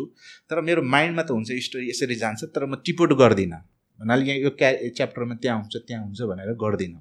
म पनि लेख्दै जान्छु अनि पछि गएर चाहिँ जब क्यारेक्टरहरू बन्दै जान्छन् अनि उनीहरूको केही चिजहरू सानो सानो स्टोरीहरू क्यारी गर्नु पर्ने चाहिँ बिस्तारै अनि टिप्न थाल्छु मैले। यो चाहिँ क्यारी गर्नु जरुरी छ यो यस्तो हो भनेर। अनि म बिचतिर गएपछि बल्ल टिप्न थाल्छु कि अब यो बाङ यताउता नजाओस् भनेर। मेरो प्रोसेस त्यो छ। र मेरो बुक एक डेढ दुई वर्षसम्म लाग्छ। अनि अर्को के छ भने म लेख्दाखेरि म दिनमा धेरै लेख्दिनँ। जस्तो जयपुर लिटरेचर फेस्टिभलमा एकजना राइटरले भन्दै हुनुहुन्थ्यो उहाँको अब साठी सत्तरी कतिवटा सङ्ख्यामा किताबहरू पब्लिस छ। अनि त्यो अँ, एकजनाले सोद्धाखेरि कि तपाईँको यति धेरै सङ्ख्यामा बुक पब्लिस छ। तपाईँ कति समय लेख्नुहुन्छ एक दिनमा? भन्दाखेरि उसले भन्थ्यो कि मेरो बुकको सङ्ख्या हेर्दाखेरि तपाईँहरूलाई लाग्ला कि म बिहानदेखि रातिसम्म लेख्छु। तर होइन म दिनमा जम्मा म एक घन्टा लेख्छु। त्यो पनि दिनमा म दुई सय वर्ड लेख्छु दुई सय वर्ड मात्र मात्र। तर म एभ्री डे लेख्छु।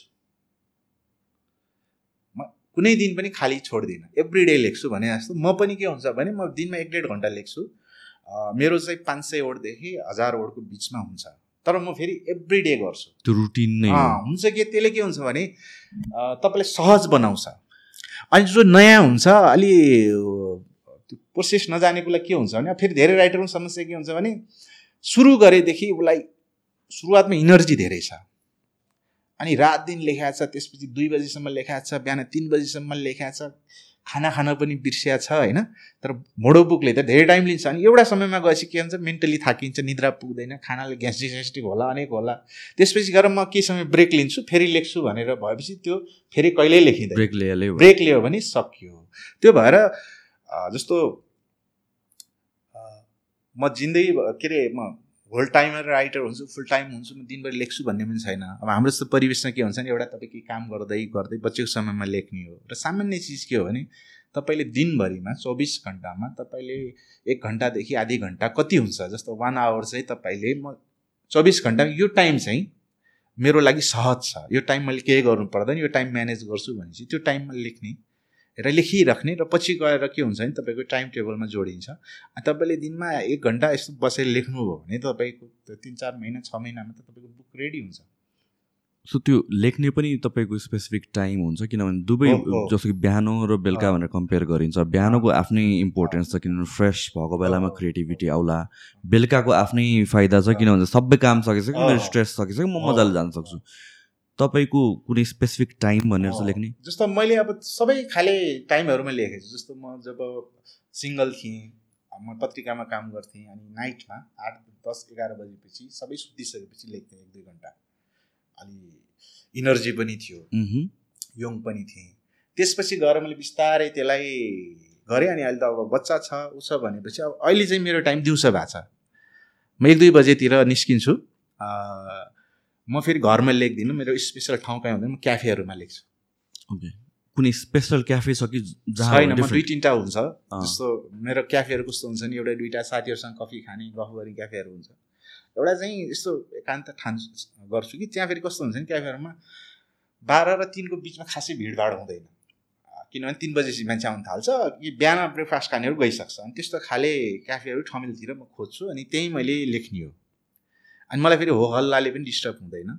जति हल्ला चलोस् केही छैन म लेख्ने हो तर मैले लेखिरहेको बेलामा चाहिँ कसैले आएर केही सोधिदिनु भएन अथवा केही सोध्न थाल्यो भने डिस्टर्ब भयो तर हुन्छ के भने तपाईँको एउटा क्याफेमा तारन तार जानुभयो भने चाहिँ। तपाईँको प्रोसेस पनि थाहा हुन्छ क्या त्यहाँ। अनि तपाईँले को- कुन बेला के खानुहुन्छ भन्ने पनि थाहा हुन्छ। साला खाला कति ठाउँमा त अनि तपाईँले केही भन्नै पर्दैन क्या। तपाईँ ल्यापटप खोलेर लेख्न थाल्नु भएको छ नि उसले ल्याइदिइरहनुहुन्छ क्या। उसलाई अब चाहिन्छ कफी यताउता जस्तो इसारा गरे पुग्छ। त्यसले भयो अनि म त्यसरी चाहिँ गर्छु म।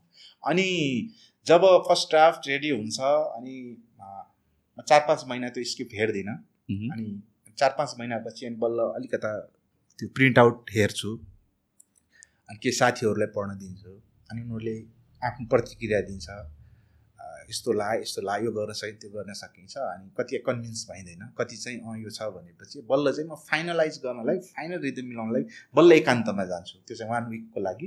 त्यो चाहिँ सुरुदेखि अन्तिमसम्म चाहिँ एउटै लयमा पढेर किताब कस्तो हो भन्नलाई चाहिँ त्यो बेलामा चाहिँ म एकदम एकदमै एकान्त चाहिन्छ मलाई। सो जस्तो कि डेली तपाईँले फ्यु थोरै थोरै थोरै चाहिँ चार सय पाँच सय वर्ड्स एभ्री डे लेख्ने भनेर भन्नुभयो राइटर्स ब्लक भन्ने कुरा हुन्छ नि क्रिएटिभ ब्लक हुन्छ। कि हुँदैन। सो त्यस्तो बेलामा चाहिँ के गर्नु त मनै। नलागेको बेलामा कि क्रिएटिभ फ्लो नै नभएको बेलामा किनभने।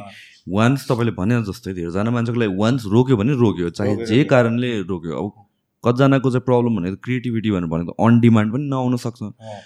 त्यस्तो बेलामा के गर्नु त जस्तो मलाई चाहिँ के हुँदो रहेछ नि मेरो तिनवटा नोभेलहरू एकदम ठुल्ठुलो भोलुम छ तिनको अनि त्यो जस्तो वान लाख प्लस वर्डहरू हुन्छ जस्तो फिफ्टी थाउजन्ड अथवा सिक्सटी थाउजन्ड प्लस भएपछि चाहिँ मेरो एक्चुली ब्रेक हुँदो रहेछ.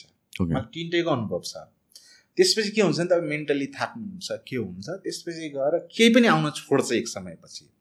अनि त्यो बेलामा कर्णाली ब्लुजमा सबभन्दा धेरै भयो। जस्तो कर्णाली ब्लुज आधामा रोकियो यो भयो कि भएन के भयो के भयो भनेपछि त्यो डेढ दुई वर्ष अथवा दसौँ वर्ष म एउटा माहौलमा छु।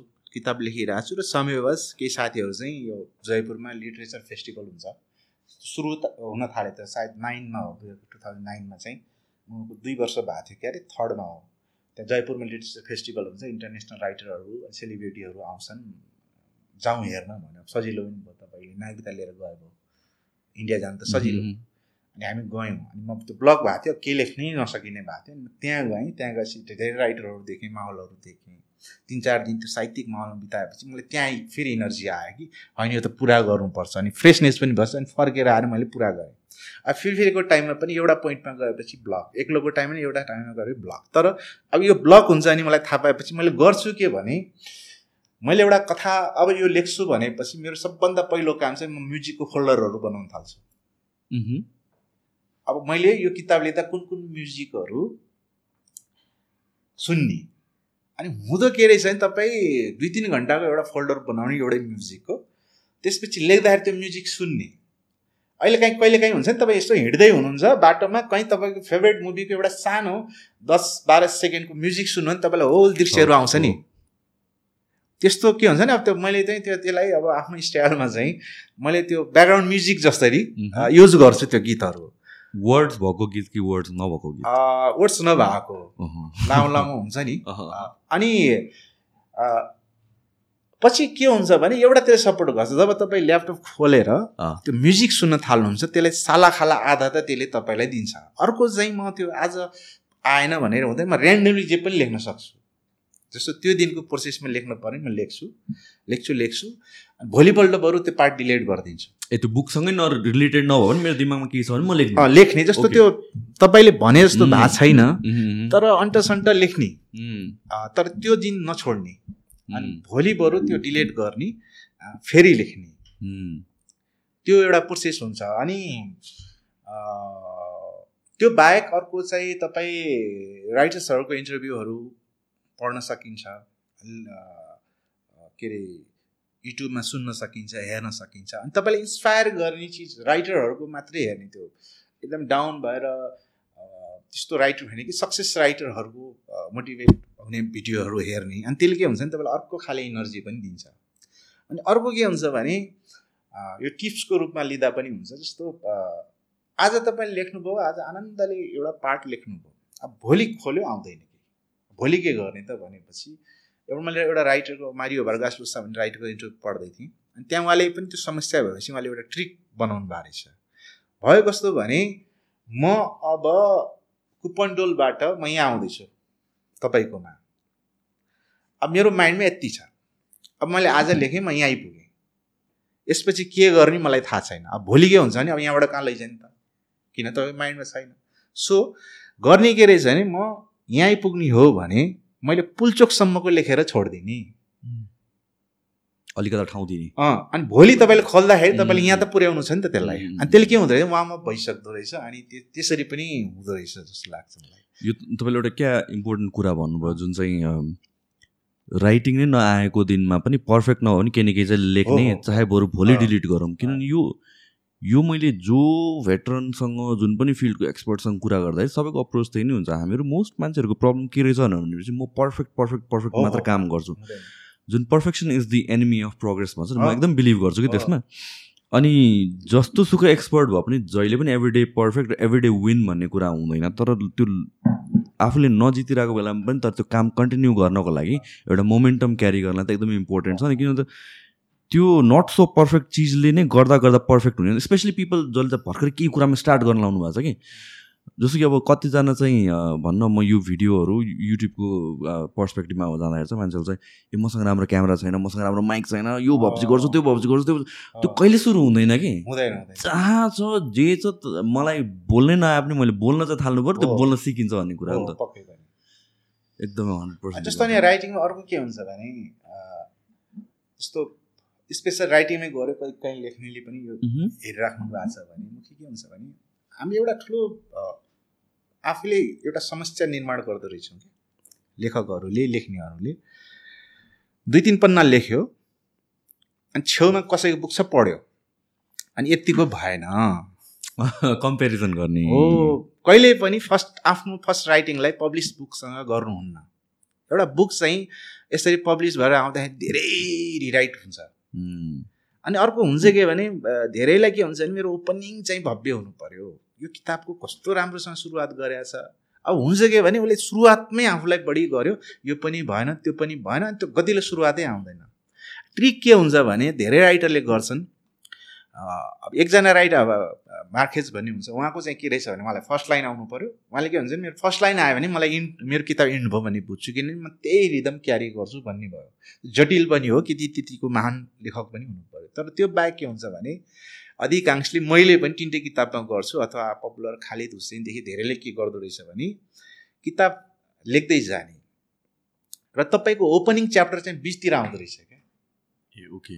तपाईँ लेख्दै जाने लेख्दै जाने एउटा तपाईँ तपाईँ जब ड्राफ्ट रेडी हुन्छ नि तपाईँलाई लाग्छ कि सबभन्दा मेरो किताबलाई न्याय गर्ने ओपनिङ चाहिँ बिचतिर आउँछ। अनि त्यो पार्ट झिकेर अगाडि राखेर फेरि मिलाउने हो। त्यसले के हुन्छ भने तपाईँले आधा नलेखिकन तपाईँको ओपनिङ नै आएन। अब म चाहिँ अब जम्मै ओपनिङ मात्रैमै लगाइरहेको छु त्यो आउँदै आउँदैन। एउटा चिज त्यो भयो। अर्को चाहिँ हुन्छ के भने अधुरो नछाड्ने। धेरै यङहरू हुनुहुन्छ अथवा धेरैले के भन्नुहुन्छ भने म लेख्छु हुँदैन फेरि लेख्छु हुँदैन। हुँदा हुँदा के हुँदो रहेछ भने तपाईँले लेखे लेखे आधा भयो ए भएन छोडिदियो। अब नयाँ लेख्छु। पछि पछि माइन्डले कसरी गाइड गर्दो भने तपाईँलाई आधा मात्रै तपाईँलाई आउने हुन्छ। कहिले पनि पुरा नसकिने किनभने तपाईँको. माइन्ड नै आधा सोच्ने भइसक्छ। त्यो भएपछि तपाईँले सुरु गरेपछि त्यसलाई इन्ड गरेरै छोड्ने। जस्तो होस् जे होस् तर सुरु गरेको इन्ड गरेरै छोड्छु भनेर त्यो बानी लगाउनु भने त्यो लेखनमा मात्र नै जीवनका धेरै चिजमा काम लाग्छ नि त। 100%, सुरु गरेको चिज 100%. गर्नुपर्छ त्यो क्विट गर्ने नै बानी भएर कम्फर्टेबल। भइदिने रहेछ। अर्को अर्को कुरा तपाईँसँग कुरा गर्दाखेरि चाहिँ मैले के रियलाइज गरेँ भने तपाईँ राइटर मात्र होइन तपाईँ एकदमै रिडर पनि एकदम म्यासिभ वेमा हो। हजुर। होइन थुप्रै बुक्सहरू पढ्नुहुन्छ थुप्रै राइटर्सको नामहरू लिनुभएको छ। न यो रिडिङ पनि as a writer part of the process हो। किनभने म दुइटा पर्सपेक्टिभले हेर्छु कि यसलाई चाहिँ। एउटा भनेको चाहिँ बेसी पढ्यो भने म कपी नै भएर जाने हो कि। बेसी त्यही इन्फ्लुएन्स भएर जाने हो कि। अ, कि त्यो चाहिँ तपाईँले रिडिङलाई चाहिँ एउटा जसरी एउटा स्टुडेन्टले बुक पढ्छ एनी एनी विधा त पढ्नु पऱ्यो। क्रिएटिभ विधा भए पनि त्यसमातिर सम सोर्ट अफ एजुकेसन त चाहियो नि। त्यसलाई तपाईँले त्यसरी मन परे पनि नपरे पनि एजुकेसनको पर्सपेक्टिभले लिनुहुन्छ कि। तपाईँलाई एक्चुली बुकहरू पढ्नु रमाइलो लगाएर पढ्नुहुन्छ? एक त म बुक म पहिल्यैदेखि नै बुकहरू पढ्ने। जस्तो अब मेरो सुरुवातै कस्तो भयो नि म स्कुलको राम्रो स्टुडेन्ट होइन। जस्तो मलाई कोर्सको बुक पढ्नै मन नलाग्ने तर एउटा चिज चाहिँ पढ्थेँ मैले। नेपालीमा त्यो महेन्द्रमाला भन्थ्यो त्यो नेपालीमा स्टोरीहरू हुन्थ्यो नि। म दिदीहरूको दाईहरूकोसम्म पढ्थेँ कि त्यसमा कथाहरू हुन्छ नि। त्यसपछि गएर मैले एउटा चिज फेला पारेँ कमिक्स हिन्दी कमिक्सहरू। अनि कमिक्सहरू चाहिँ म रातभरि पढ्न सक्ने। क- कस्तो कमिक्स हो नागराजहरू हो नागराज होइन? तपाईँले पनि पढ्नु भएको छ। मैले पहिलो पढेको डोगाहरू के के थियो त्यतिखेर आउँथ्यो। चाहिँ कसैले ल्याएछ यो अचम्मको भने चित्र भएको हो। हिन्दीमा।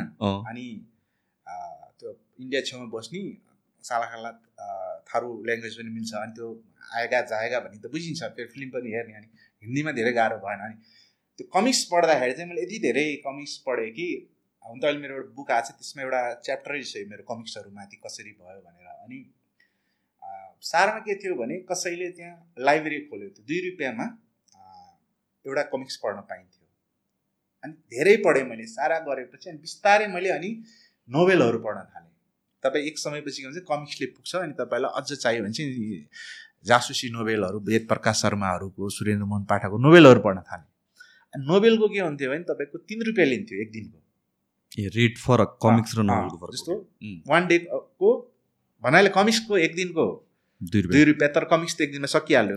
नोभेलको चाहिँ थ्री तर दुई दिन राख्नु भने छ रुपियाँ। म छ रुपियाँ किन तिर्ने भने म एक दिनमै सक्थेँ। अनि मैले त्यहाँ सिकेँ कि कसरी फास्ट पढ्नुपर्छ भनेर। अनि मैले त्यो थाहा भयो कि मलाई पढ्न त मनपर्ने रहेछ तर आफूलाई इच्छा लागेका चिजहरू। कोर्सको मन लाग्दैन। यताको मन लाग्छ। सो त्यहाँबाट भएपछि म त्यहाँदेखि म एउटा रिडरको रूपमा म त्यहाँ भएँ। रिडिङमा पनि अनि झाँसी उपन्यासहरू पढ्यो कमिक्सहरू पढ्यो अनि केही नेपाली नोभेलहरू पढेँ। त्यो बाहेक अरू थिएन। पछि म काठमाडौँ आएपछि मेरो पढाइ भयो अनि मैले नेपाली साहित्यको किताबहरू पनि पाउँथेन उतातिर। अनि काठमाडौँ आएपछि नेपाली किताबहरू पढेँ। अनि भाषाको कारण जान्ने कारणले हिन्दी नोभेलहरू हिन्दी साहित्य पनि पढेँ। अब एउटा समस्या छ इङ्ग्लिस। इङ्ग्लिस आउँदैन। चार। कक्षामा एबिसिडी सिकेकोहरू। अब हुन्थ्यो के भने तपाईँको हाम्रो उतातिर त्यो सिस्टमै थियो नि एक विषय लागेकोलाई पास गर्थ्यो नि. अनि मलाई जहिले नि लाग्ने इङ्ग्लिस। अनि एउटा विषय त त्यो पास गराइदिन्थ्यो कि? मलाई इङ्ग्लिस लगाइरहेको छ लगाइरहेको छ एसएलसीमा मजाले चिट चोऱ्यो पास भइयो। अब त्यो चिट चिट चोर्दाखेरि नि मेरो कम मार्क्स आएको छ क्या चिचोड झन् कम मार्क्स आएको भने चिटै मिस्टेक छ क्या। अनि मैले गणितमा बत्तिस ल्याएको छु क्या मैले हन्ड्रेड गरेको छु क्या त्यहाँ? तर चिट रङ भएर। भएपछि त्यो चिट लेख्नेले पनि मिस्टेक गरिरहेको छ। साह्रो त मैले गरेको भनेको। त्यो छ। अनि भाषाको त्यो भयो अनि मलाई चाहिँ नेपाली पढिहाल्यो हिन्दी पढिहाल्यो अनि कहीँ सुन्यो इङ्ग्लिस पढ्नुपर्छ इङ्ग्लिसहरू राम्रो छ भन्यो अनि इङ्ग्लिसमा समस्या भयो भने पढ्नु मन लाग्छ आउँदैन ल्याङ्ग्वेजहरू। त्यसपछि गएर मैले अलिक इङ्ग्लिसमा कोसिस गर्न थालेँ। इङ्ग्लिस सिक्ने प्रोसेसहरू हुन्छ नि त। कसैले भन्छ काठमाडौँ पोस्ट जस्तो इङ्ग्लिस पत्रिका पढ्नुपर्छ कसैले न्युजहरू सुन्नुपर्छ। मलाई सबै प्रोसेस झ्याउलाग्दो लाग्ने। अनि मैले एउटा चिज फेला पारेँ। त्यो बेलामा तपाईँलाई थाहा छ कि छैन यो भिरकुटी मण्डपमा एउटा सिनेमा हल थियो थाहा छ? जो जहाँ अहिले सर्कसहरू हुन्छ नि त्यहाँ एउटा। सानो हाइभिजन हल थियो। Twenty. First twenty first century cinema भन्ने थियो। पहिला उनीहरूले रिलबाट देखाउँथ्यो पछि उनीहरूले के डिबिडीबाट डिबिडीबाट कस्तो हल थियो भने त्यहाँ तिन सो चाहिँ डिफ्रेन्ट फिल्महरू चल्थ्यो कि। एकैचोटि तिनवटा सु चलेर होइन भन्नाले बिहान बाह्र बजे एउटा तिन बजे एउटा छ बजे एउटा तर। कस्तो हुन्छ भने बाह्र बजे एउटा फिल्म। भने साला खाला दिनमा तिन फिल्म पनि हेरिन्थ्यो। अनि मैले के पत्ता लगाएँ भने त्यहाँ इङ्ग्लिसहरू चल्छ भने चाहिँ अब इङ्ग्लिस फिल्म हेर्न थालेँ मैले। पहिला त केही बुझिँदैन।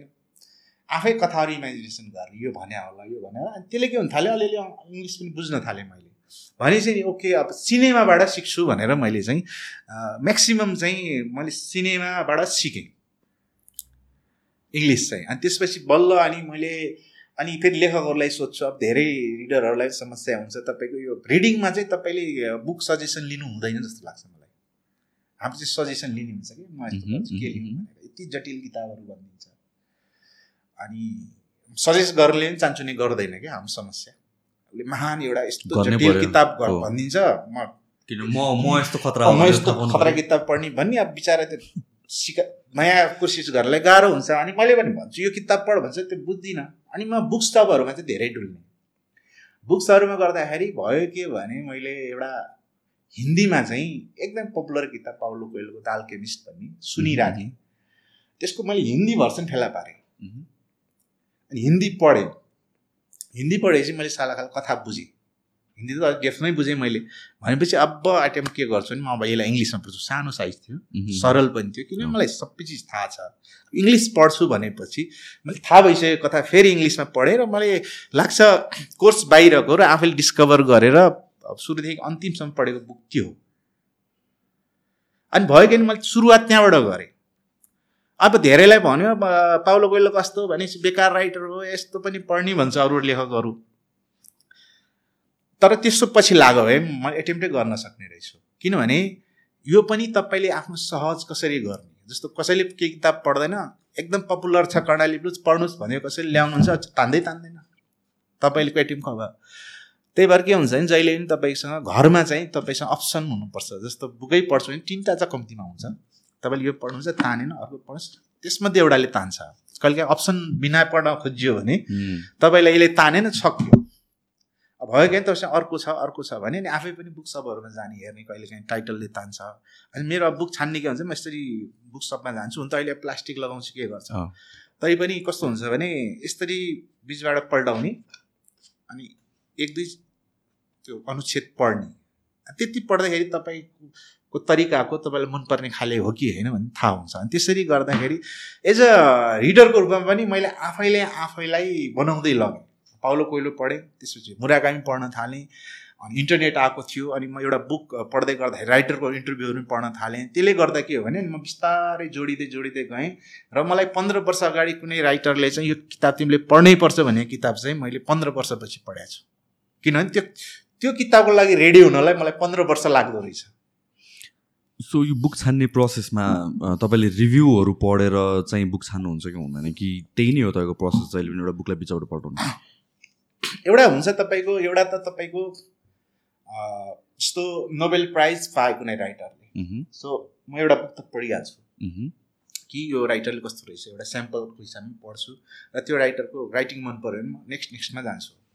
अर्को अवार्डहरू हुन्छ बुकरहरू हुन्छ प्लिज अवार्डेड बुकहरू हुन्छ त अवार्ड पाए पनि किन पाएछ भन्ने अलिक सर्ट लिस्ट पनि हुन्छ। इङ्ग्लिसलाई सजिलो छ। त्यो बाहेक तपाईँ सोसियल मिडिया स्क्रोल गरिराख्दाखेरि तार तार एउटा किताब देखिराख्नुहुन्छ। भने चाहिँ अनि त्यसको चासो हुन्छ यो के रहेछ? भनेर। त्यो बाहेक हुन्छ किन अनि के मेरो पर्सनल फेभरेट राइटरहरू हुन्छ उनको चाहिँ म केही पनि गर्दिनँ। म त्यो किताब आयो कि मलाई पढ्नु छ। अथवा एकदमै ब्याड रिभ्यू छ यो किताब कामै छैन भने कसैले लेख्यो भने म पढ्छु किनभने त्यो मलाई पढ्नु छ। पर्सनल फेभरेट राइटरहरूको त्यो भयो। र अरू चाहिँ केही चर्चाहरू हुन्छ। र अर्को चाहिँ के हुन्छ भने तपाईँको लिटरेरी ग्रुपहरू हुन्छ के मान्छेहरू हुन्छ अनि तपाईँले फलाने किताब पढ्नुभयो यो किताबमा यस्तो छ भने कन्भर्सेसन भएपछि अनि केही चिजले तपाईँलाई यस्तो हुन्छ यो के यो किताब पढ्ने भन्ने हुन्छ। सो अहिले पनि बुकहरू चाहिँ पढ्नुहुन्छ तपाईँले? पढिरहेको छु, कतिको पढ- फ्रिक्वेन्टली पढ्नुहुन्छ होला म एभ्री होइन म बिहान र साँझ एक अलिअलि पढ्छु। बुक त म पढि नै रहन्छु। सो जस्तो कि बुक पढिरहेको बेलामा राइटिङ पनि प्यारलली गइरहेको छ भने त्यस्तो बेलामा चाहिँ इन्फ्लुएन्स हुन्छ तपाईँलाई कि हुँदैन लिनु धेरै हुन्छ. मलाई त सिकाउने तपाईँ जति पढ्नुभयो जस्तो जस्तो as a writer as a film maker त तपाईँले सिक्रेटको फिल्म पनि हेर्नु पऱ्यो नि त। कहिलेकाहीँ तपाईँलाई एकदम महान लागेको सिन चाहिँ त्यो झुर फिल्ममा पनि आएको हुनसक्छ। भनेको तपाईँले एभ्रिथिङ धेरै पढ्नुपर्छ। त्यसले के हुन्छ भने यो चिज चाहिँ ऱ्यापिडली धेरै किताबमा आइसक्यो। यस्तो खाले क्यारेक्टर पनि भइसकेका छ। अनि यो खाले बिम्ब प्रतीकहरू पनि भइसकेका छ। भनेपछि तपाईँको एउटा इजरायली राइटरले चन्द्रमालाई कसरी लेख्यो एउटा इन्डियनले कसरी लेख्यो एउटा कुनै स्पेनिसले कसरी लेख्यो थाहा पायो भने बल्ल तपाईँले म मौलिक तरिकाले एउटा नेपाली राइटरले कसरी लेख्ने भन्ने मलाई लाग्छ तपाईँलाई त्यसले सिप सिकाउँछ। तपाईँलाई अझ यसरी पनि सोच्न सकिन्छ है भनेर त्यसले आइडिया दिन्छ. त्यो तपाईँले एउटा मात्रै पढ्नुभयो तपाईँ त्योभन्दा उसले त यसरी लेखेछ भनेपछि तपाईँ भने त्योभन्दा म फरक ढङ्गले लेख्छु भन्ने तपाईँलाई हुनु अब यो साह्रै यो मिठो छ। अब यही गर्छु भन्नुभयो भने त त्यो मलाई लाग्छ धेरै पढ्दाखेरि चाहिँ तपाईँलाई तपाईँको इमेजिनेसन बढाइदिन्छ। सो बुकको टाइप पनि क कुन हिसाबले लिनुहुन्छ? किनभने बुक त थुप्रै जनरको हुन्छ नि त। हुन्छ जस्तो अब फिक्सन पनि पढ्छु म के फेभरेट राइटरको फिक्सनहरू पढ्छु नन फिक्सनहरू पनि पढ्छु लेटेस्ट त्यो मुराकामीको हारुकी मुराकामीको द के अरे नोभेलिस्ट एज भोकेसन भन्ने उहाँको निबन्ध कलेक्सन हो। त्यो किताब अझ मलाई मजा आयो किनभने एउटा आफ्नो जापानिज ल्याङ्ग्वेजमा लेखेर वर्ल्ड वाइड होइन एउटा पपुलरिटी कसरी पायो एउटा राइटरले भनेर उहाँले मसिनो गरी एउटा जर्नी लेख्नु भएको छ। अब इन्फर्मेसनवाला छ। म त्यसरी छान्छु। कहिलेकाहीँ मलाई नन फिक्सन पनि मजा आउँछ। कहिलेकाहीँ कस्तो हुन्छ नि फिक्सनमा चाहिँ तपाईँको के हुन्छ नि कथा उतार चढाव क्यारेक्टरहरू संवादहरूले तपाईँलाई आनन्द दिन्छ। अनि यो नन फिक्सन पढ्दाखेरि इन्फर्मेसनहरूले के ए यो पनि रहेछ नि भनेर त्यो हुन्छ। त्यो सिमिलरली सबै खाले किताबहरू पढिरहेको हुन्छु म। सो यो जुन बुक लेख्ने त हामीले कुरा गऱ्यौँ होइन? अब अहिले आएर बुक पनि अडियो बुक्सहरू पनि त एकदमै पपुलर हुन थालेछ नि त। सो अडियो बुक्सलाई चाहिँ तपाईँले कसरी हेर्नुहुन्छ? अडियो बुक्सहरू चाहिँ अब त्यो सोचिएन त्यो गरिएन तर बाहिरतिर हुन्छ। जस्तो अहिले पनि तपाईँको जस्तो युट्युबमा कर्णाली ब्लुजकै पनि फेरि भर्सनहरू पाइन्छ अनि त्यसमा पनि हुन्छ अनि कति रिडरले भन्नुहुन्छ स्पेसल्ली अझ देश बाहिरको। अ, म तपाईँको होल बुक चाहिँ मैले एउटा ड्राइभ गर्दै सुनेको हो ऊ गरेँ अडियो बुकको एउटा सम्भावना छ जस्तो मलाई लाग्छ जस्तो युट्युबहरूतिरै पनि फ्री भर्सन राख्न पाइयो भने।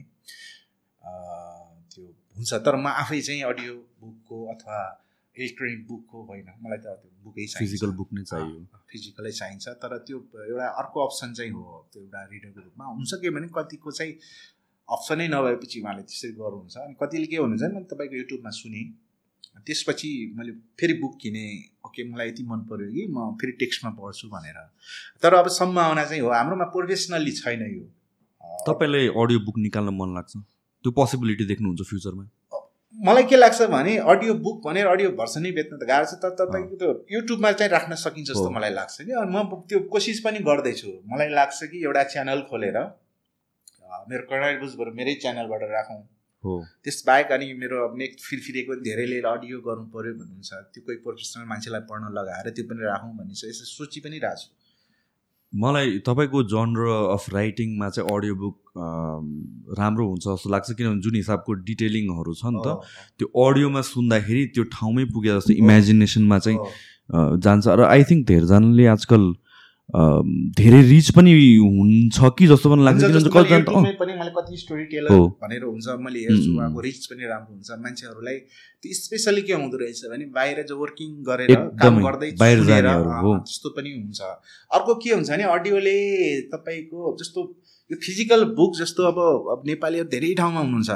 जस्तो म अब पोर्चुगलमा छु मलाई दुई हप्ता लाग्छ अथवा बुक लैजान नि गाह्रो। अब कस्तो छ भने अहिले त अब कोही आउँदैछ बुक यो ल्याइदिए भन्छ बुकैले तपाईँको वेट बढ्छ सुटकेसमा अट्छ अट्दैन त्यो अलिक भयो। अनि त्यो राम्रो विकल्प हुने अडियो बुक हुनसक्छ क्या तपाईँको एकचोटि अपलोड भएपछि संसारबाट जहाँबाट पनि हुने भयो जो अप्सन नहुनेहरूको लागि। त्यसपछि अब फिजिकल बुक अ, को आफ्नो हुने भयो। तर अ, गर्नुपर्ने एउटा प्रोफेसनल्ली गर्नुपर्ने चिज जस्तो लाग्छ जस्तो हाम्रो पब्लिसरले त अहिलेसम्म गरेका छैन। हो। बाहिरतिर त के हुन्छ बाहिर त इङ्ग्लिसमा एकदमै चाहिँ छ नि। त्यो सँगसँगै तपाईँको अडियो बुक पनि आइसक्छ।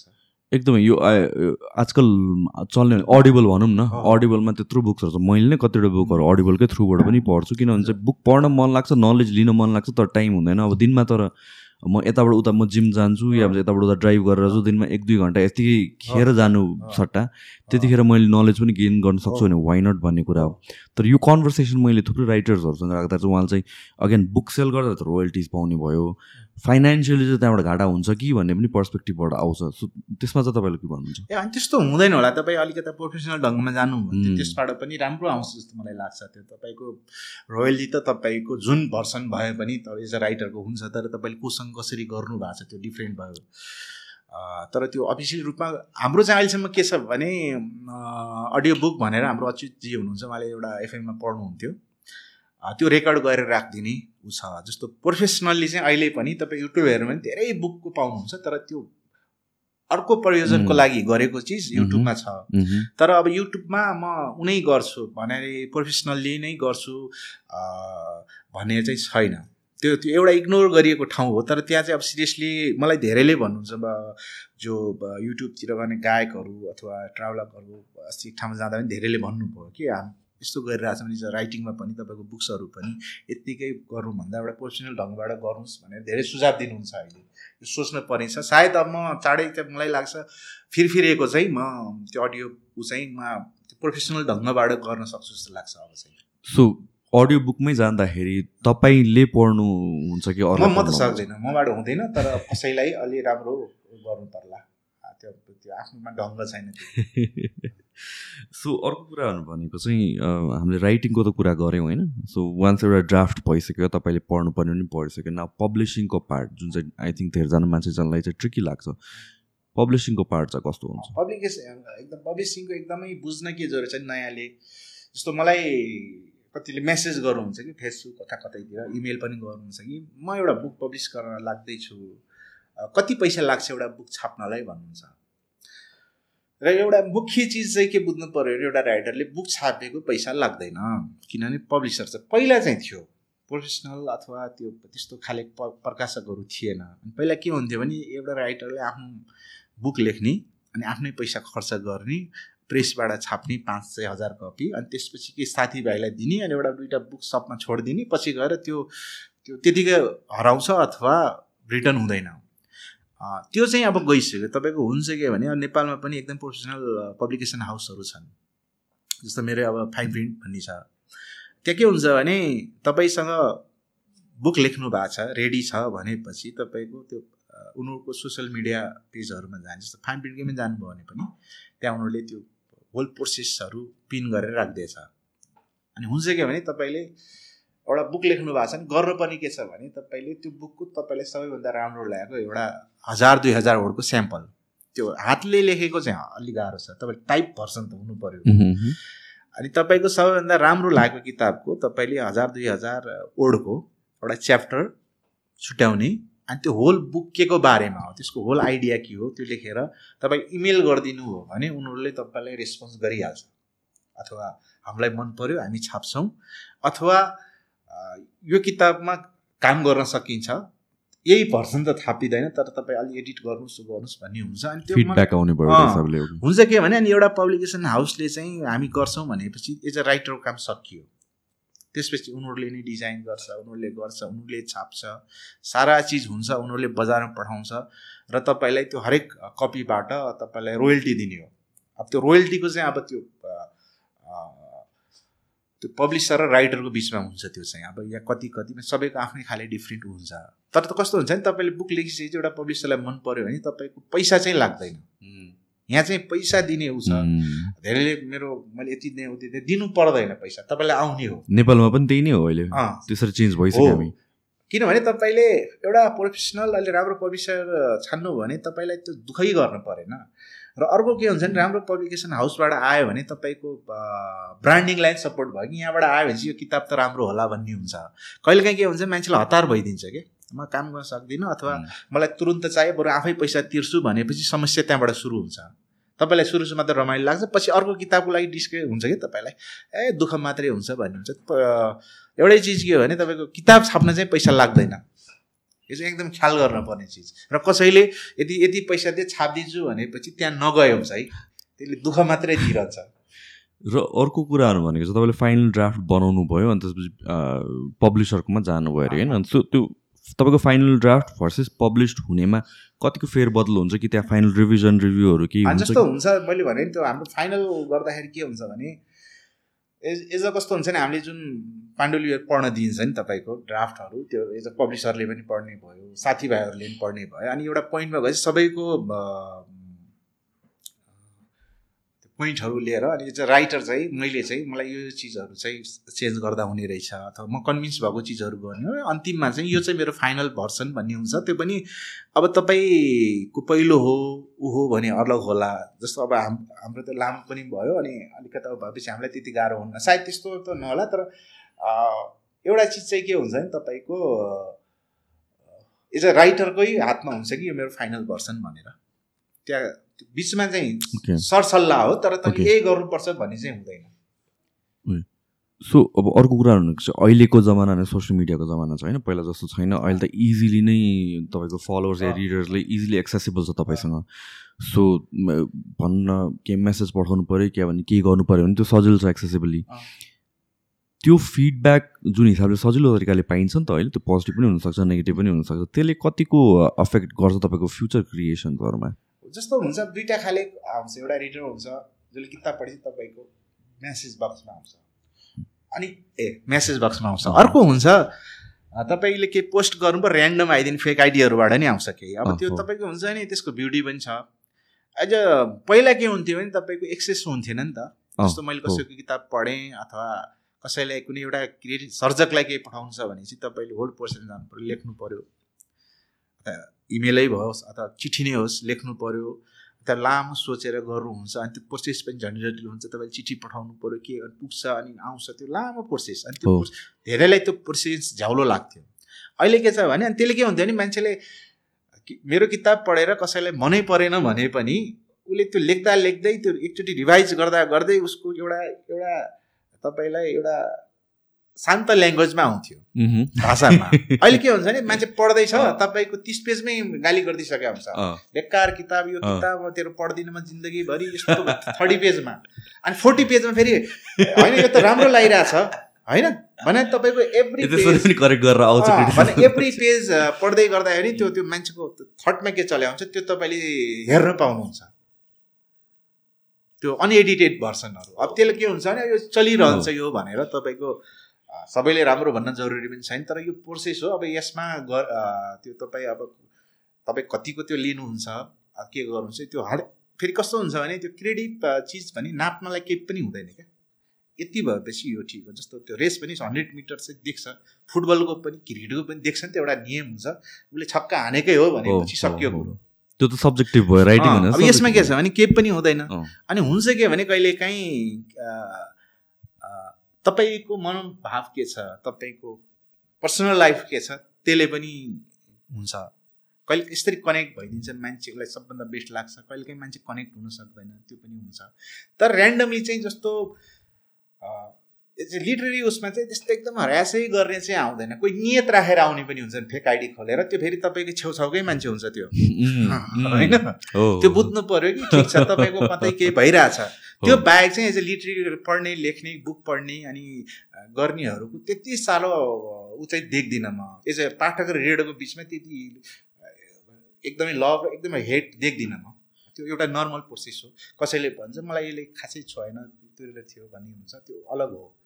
सो त्यसलाई चाहिँ कसरी लिने भन्नु त्यसले त्यसलाई- इन्फ्लुएन्स हुन्छ कि हुँदैन तपाईँको हुँदैन हुँदैन। अब त्यो तपाईँको पछि बानी पर्दै जान्छ यो भइरहन्छ भनेर। त मुख्य चिज के भने तपाईँले कति इन्जोय गर्नुभएको थियो भन्ने मैले बुक लेख्दाखेरि मैले त्यो जो इन्जोय। गरेको थिएँ मलाई एउटा मेडिटेसन जस्तो भएको थियो। तिन वर्षभरि त म एकदम रमाएको थिएँ नि। भनेपछि त्यो प्रोसेस मैले इन्जोय गरेँ भनेपछि मैले अर्को लेख्ने हो अर्को प्रोसेसमा रमाउने हो। तर यो चलिरहन्छ भन्ने हुन्छ तर मानवीय स्वभाव त्यही त हो नि। तपाईँलाई दसजनाले राम्रो भन्यो अनि एकजनाले नराम्रो भन्यो तपाईँको ध्यानै त्यता जान्छ। सोसियल मिडियामा मान्छेले त्यो रियाक्ट पनि त्यसरी गर्छ नि त सयजनाले गजब गजब लेखिरहेको ठाउँ एउटाले प्याट्टकै लेख्यो नि एन्सर उसलाई गरिरहेको हुन्छ क्या.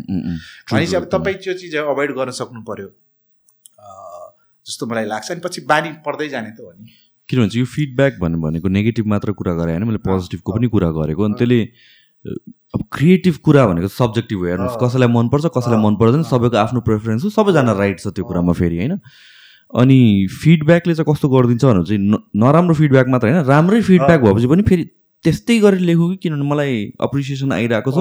म त्यसरी नै लेख्छु भन्ने काइन्ड अफ पनि फिलिङ आउन सक्छ। फेरि त्यस्तो गर्न थाल्यो भने त फेरि मैले आफ्नो भित्रको कुरालाई सप्रेस गर्छु कि? अरूलाई प्लिज गर्नलाई भन्ने पनि कुरा आउँछ। मलाई मलाई पनि यो कुरा चाहिँ हुन्छ कि? जस्तो कि पडकास्ट मैले यो गर्छु। म चाहिँ मेरो काम भने यति मात्र हो। यहाँ पछि म न म पब्लिस गर्छु न म पढ्छु म केही पनि हेर्दिनँ कि न कति भ्युज आयो म केही मतलब लाग्दैन कि? किनभने चाहिँ मलाई के डर छ भनेपछि यो पडकास्ट भनेको त अथेन्टिक कन्भर्सेसन अहिले त हाम्रो अथेन्टिक कन्भर्सेसन भएर छ इन्टरभ्यू त होइन यो। सो यो कन्भर्सेसनमा पनि अब कतिलाई मनपर्छ कतिलाई मन पर्दैन कतिलाई धेरै कुराहरू आउँछ नि सजेसनहरू मलाई डर के लाग्छ भने इभेन्चुली म जे छु त्यो नभएर अर्कै चेन्ज हुन्छु कि। त्यो फिडब्याकको कारणले। भन्ने पनि डर लाग्छ कि। हुन्छ जस्तो त पार्ट टू त्यो हुन्छ नि एउटै नाममा। चार पाँचवटा बनाउने कि? त्यो क्याच गर्नलाई हुन्छ। लिटल उसमा हुँदैन मेरो कुरो के हो भने जस्तो अब धेरैले मलाई थाहा छ कि मैले जति नै बेकार किताब लेखेर पनि कर्णाली ब्लुज दोस्रो भाग भन्यो भने त्यो त्यसको त्यही लेभलमा हुन्छ। तर बुक बनाए डिफ्रेन्ट चिज हो। किनभने यो लेख्दाखेरि म चौध वर्ष अगाडि मेरो मनोदशा फरक थियो। मैले फरक सोध्थेँ मेरो सर्कलहरू फरक थियो थियो भनेपछि त्यो बेलामा लेख्यो। अब फेरि यही सब्जेक्टमा यही बुक लेखेँ नि त्यो म टोटल डिफ्रेन्ट लेख्छु जस्तो मलाई लाग्छ। त्यो भएर यो प्रोसेसहरू चाहिँ एउटा आउँछ। टाइम हुन्छ त्यसपछि। लेखेर सकिन्छ। फेरि। तपाईँले अर्को नयाँ नयाँ डिस्कभर गर्ने हो जस्तो मलाई लाग्छ। तर हुन्छ के भने तपाईँको राइटरको आफ्नो एउटा शैली हुन्छ। स्टोरी टेलिङ गर्ने तरिका हुन्छ। त्यो चिज चाहिँ छोड्न सकिन्न। तर त्यो बाहेक चाहिँ तपाईँको त्यति साह्रो हुँदैन जस्तो मलाई लाग्छ। जस्तो कि अब यो राइटर र रिडरको एउटा जुन रिलेसनसिप छ यो त एउटा बुकमा मात्र सीमित हुँदैन यो त लाइफ लङ जर्नी हो। र राइटर पनि भनेको त अब विथ एज विथ एक्सपिरियन्स जति लेख्यो जति पढ्यो जति लाइफमा आफूले भोग्यो त्यो अनुसारले मच्योर हुँदै जान्छ होला। त्यो मान्छे त चेन्ज दस वर्ष अगाडिको राइटर दस वर्ष पछाडि त मान्छे कम्प्लिटली फरक हुनसक्छ नि त। त्यसलाई चाहिँ त्यो जर्नीमा चाहिँ रिडरहरू चाहिँ तपाईँको केसमा भनौँ न रिडरहरूले चाहिँ कस्तो काइन्ड अफ फिडब्याक दिनुभएको छ? कि सिमिलर नै भेटाउनु भएको छ रिडरहरूको पनि हुन्छ जस्तो जुन कर्णाइज तपाईँको चौध वर्ष अगाडि पब्लिस हुँदाखेरि मैले धेरै मान्छे भेट्दाखेरि उहाँले के भन्नुहुन्छ भने तपाईँको मलाई लाग्छ सायद अन्तिम किताब मैले कर्णाइ बुझ पढेँ त्यसपछि मैले किताब पढाएको छैन। एउटा जेनेरेसन हुनुहुन्छ कि त्यसपछि उहाँको व्यवहारिक जीवनहरू मिलाउनु यस्तो यस्तो पढ्यो कि मैले बिचमा पढ्न पाएको छैन भन्नुहुन्छ। एउटा जेनेरेसनले चाहिँ यो टाइममा पढेर उहाँको अब अर्को लाइफको फेज सुरु भयो। मैले पढ्न पाएको छैन भन्नुहुन्छ। त्यो बाहेक चाहिँ अब किताबले चाहिँ अब नयाँ नयाँ जेनेरेसनको पनि आउनुहुन्छ। त्यो पढ्दै जानुहुन्छ। तर एउटा चाहिँ अस्ति मैले जब मेरो एक्लो भन्ने नयाँ नोभेल आयो। मेरो कस्तो खाले रिलेसन पनि रहेछ रिडरसँग भने चाहिँ मेरो फेसबुक पेजमा चाहिँ जस्तो बुझ दुई हजार दसमा आउँदाखेरि उहाँले केही मेसेज पठाउनु छ पाठकले। यो पढेँ राम्रो नराम्रो वाट एभर मैले थ्याङ्क यू भनेको छु। त्यसपछि सात वर्षसम्म कुनै इन्ट्रेक्सन छैन। अनि फेरि मेरो नेक्स्ट बुक आयो फेरि फेरि अनि उहाँले त्यसको पनि पठाउनु भयो त्यसपछि मैले थ्याङ्क यू भनेको छु। त्यसपछि फेरि इन्ट्रेक्सन छैन। अनि एक्लो आएपछि फेरि गर्नुभयो र थर्ड टाइम मैले त्यो एउटा होइन यो हन्ड्रेड प्लस मान्छेहरूसँग यस्तो रहेछ कि उहाँले पढ्नुहुन्छ कमेन्ट गर्नुहुन्छ मैले थ्याङ्क यू हुन्छ सक्यो। तर थर्ड टाइममा एउटा डिफ्रेन्ट के रहेछ भने त्यो दुईवटा बुक पढ्दासम्ममा नेपालमा। यो थर्ड बुकको पालामा म्याक्सिमम् मान्छे चाहिँ विदेशबाट मलाई मैले यो देशमा छु यहाँ पढिरहेको छु भनेर गर्नुभयो। यो चाहिँ डिफ्रेन्ट लाग्यो मलाई। अधिकांश रिडरहरू सबै बाहिर। यो अनुभव चाहिँ मेरो त्यो दुईवटा किताबसम्म यहीँ हुनुहुन्छ। थर्ड बुकमा चाहिँ मैले धेरै मेरो रिडरहरू बाहिर गएको थाहा पाएँ।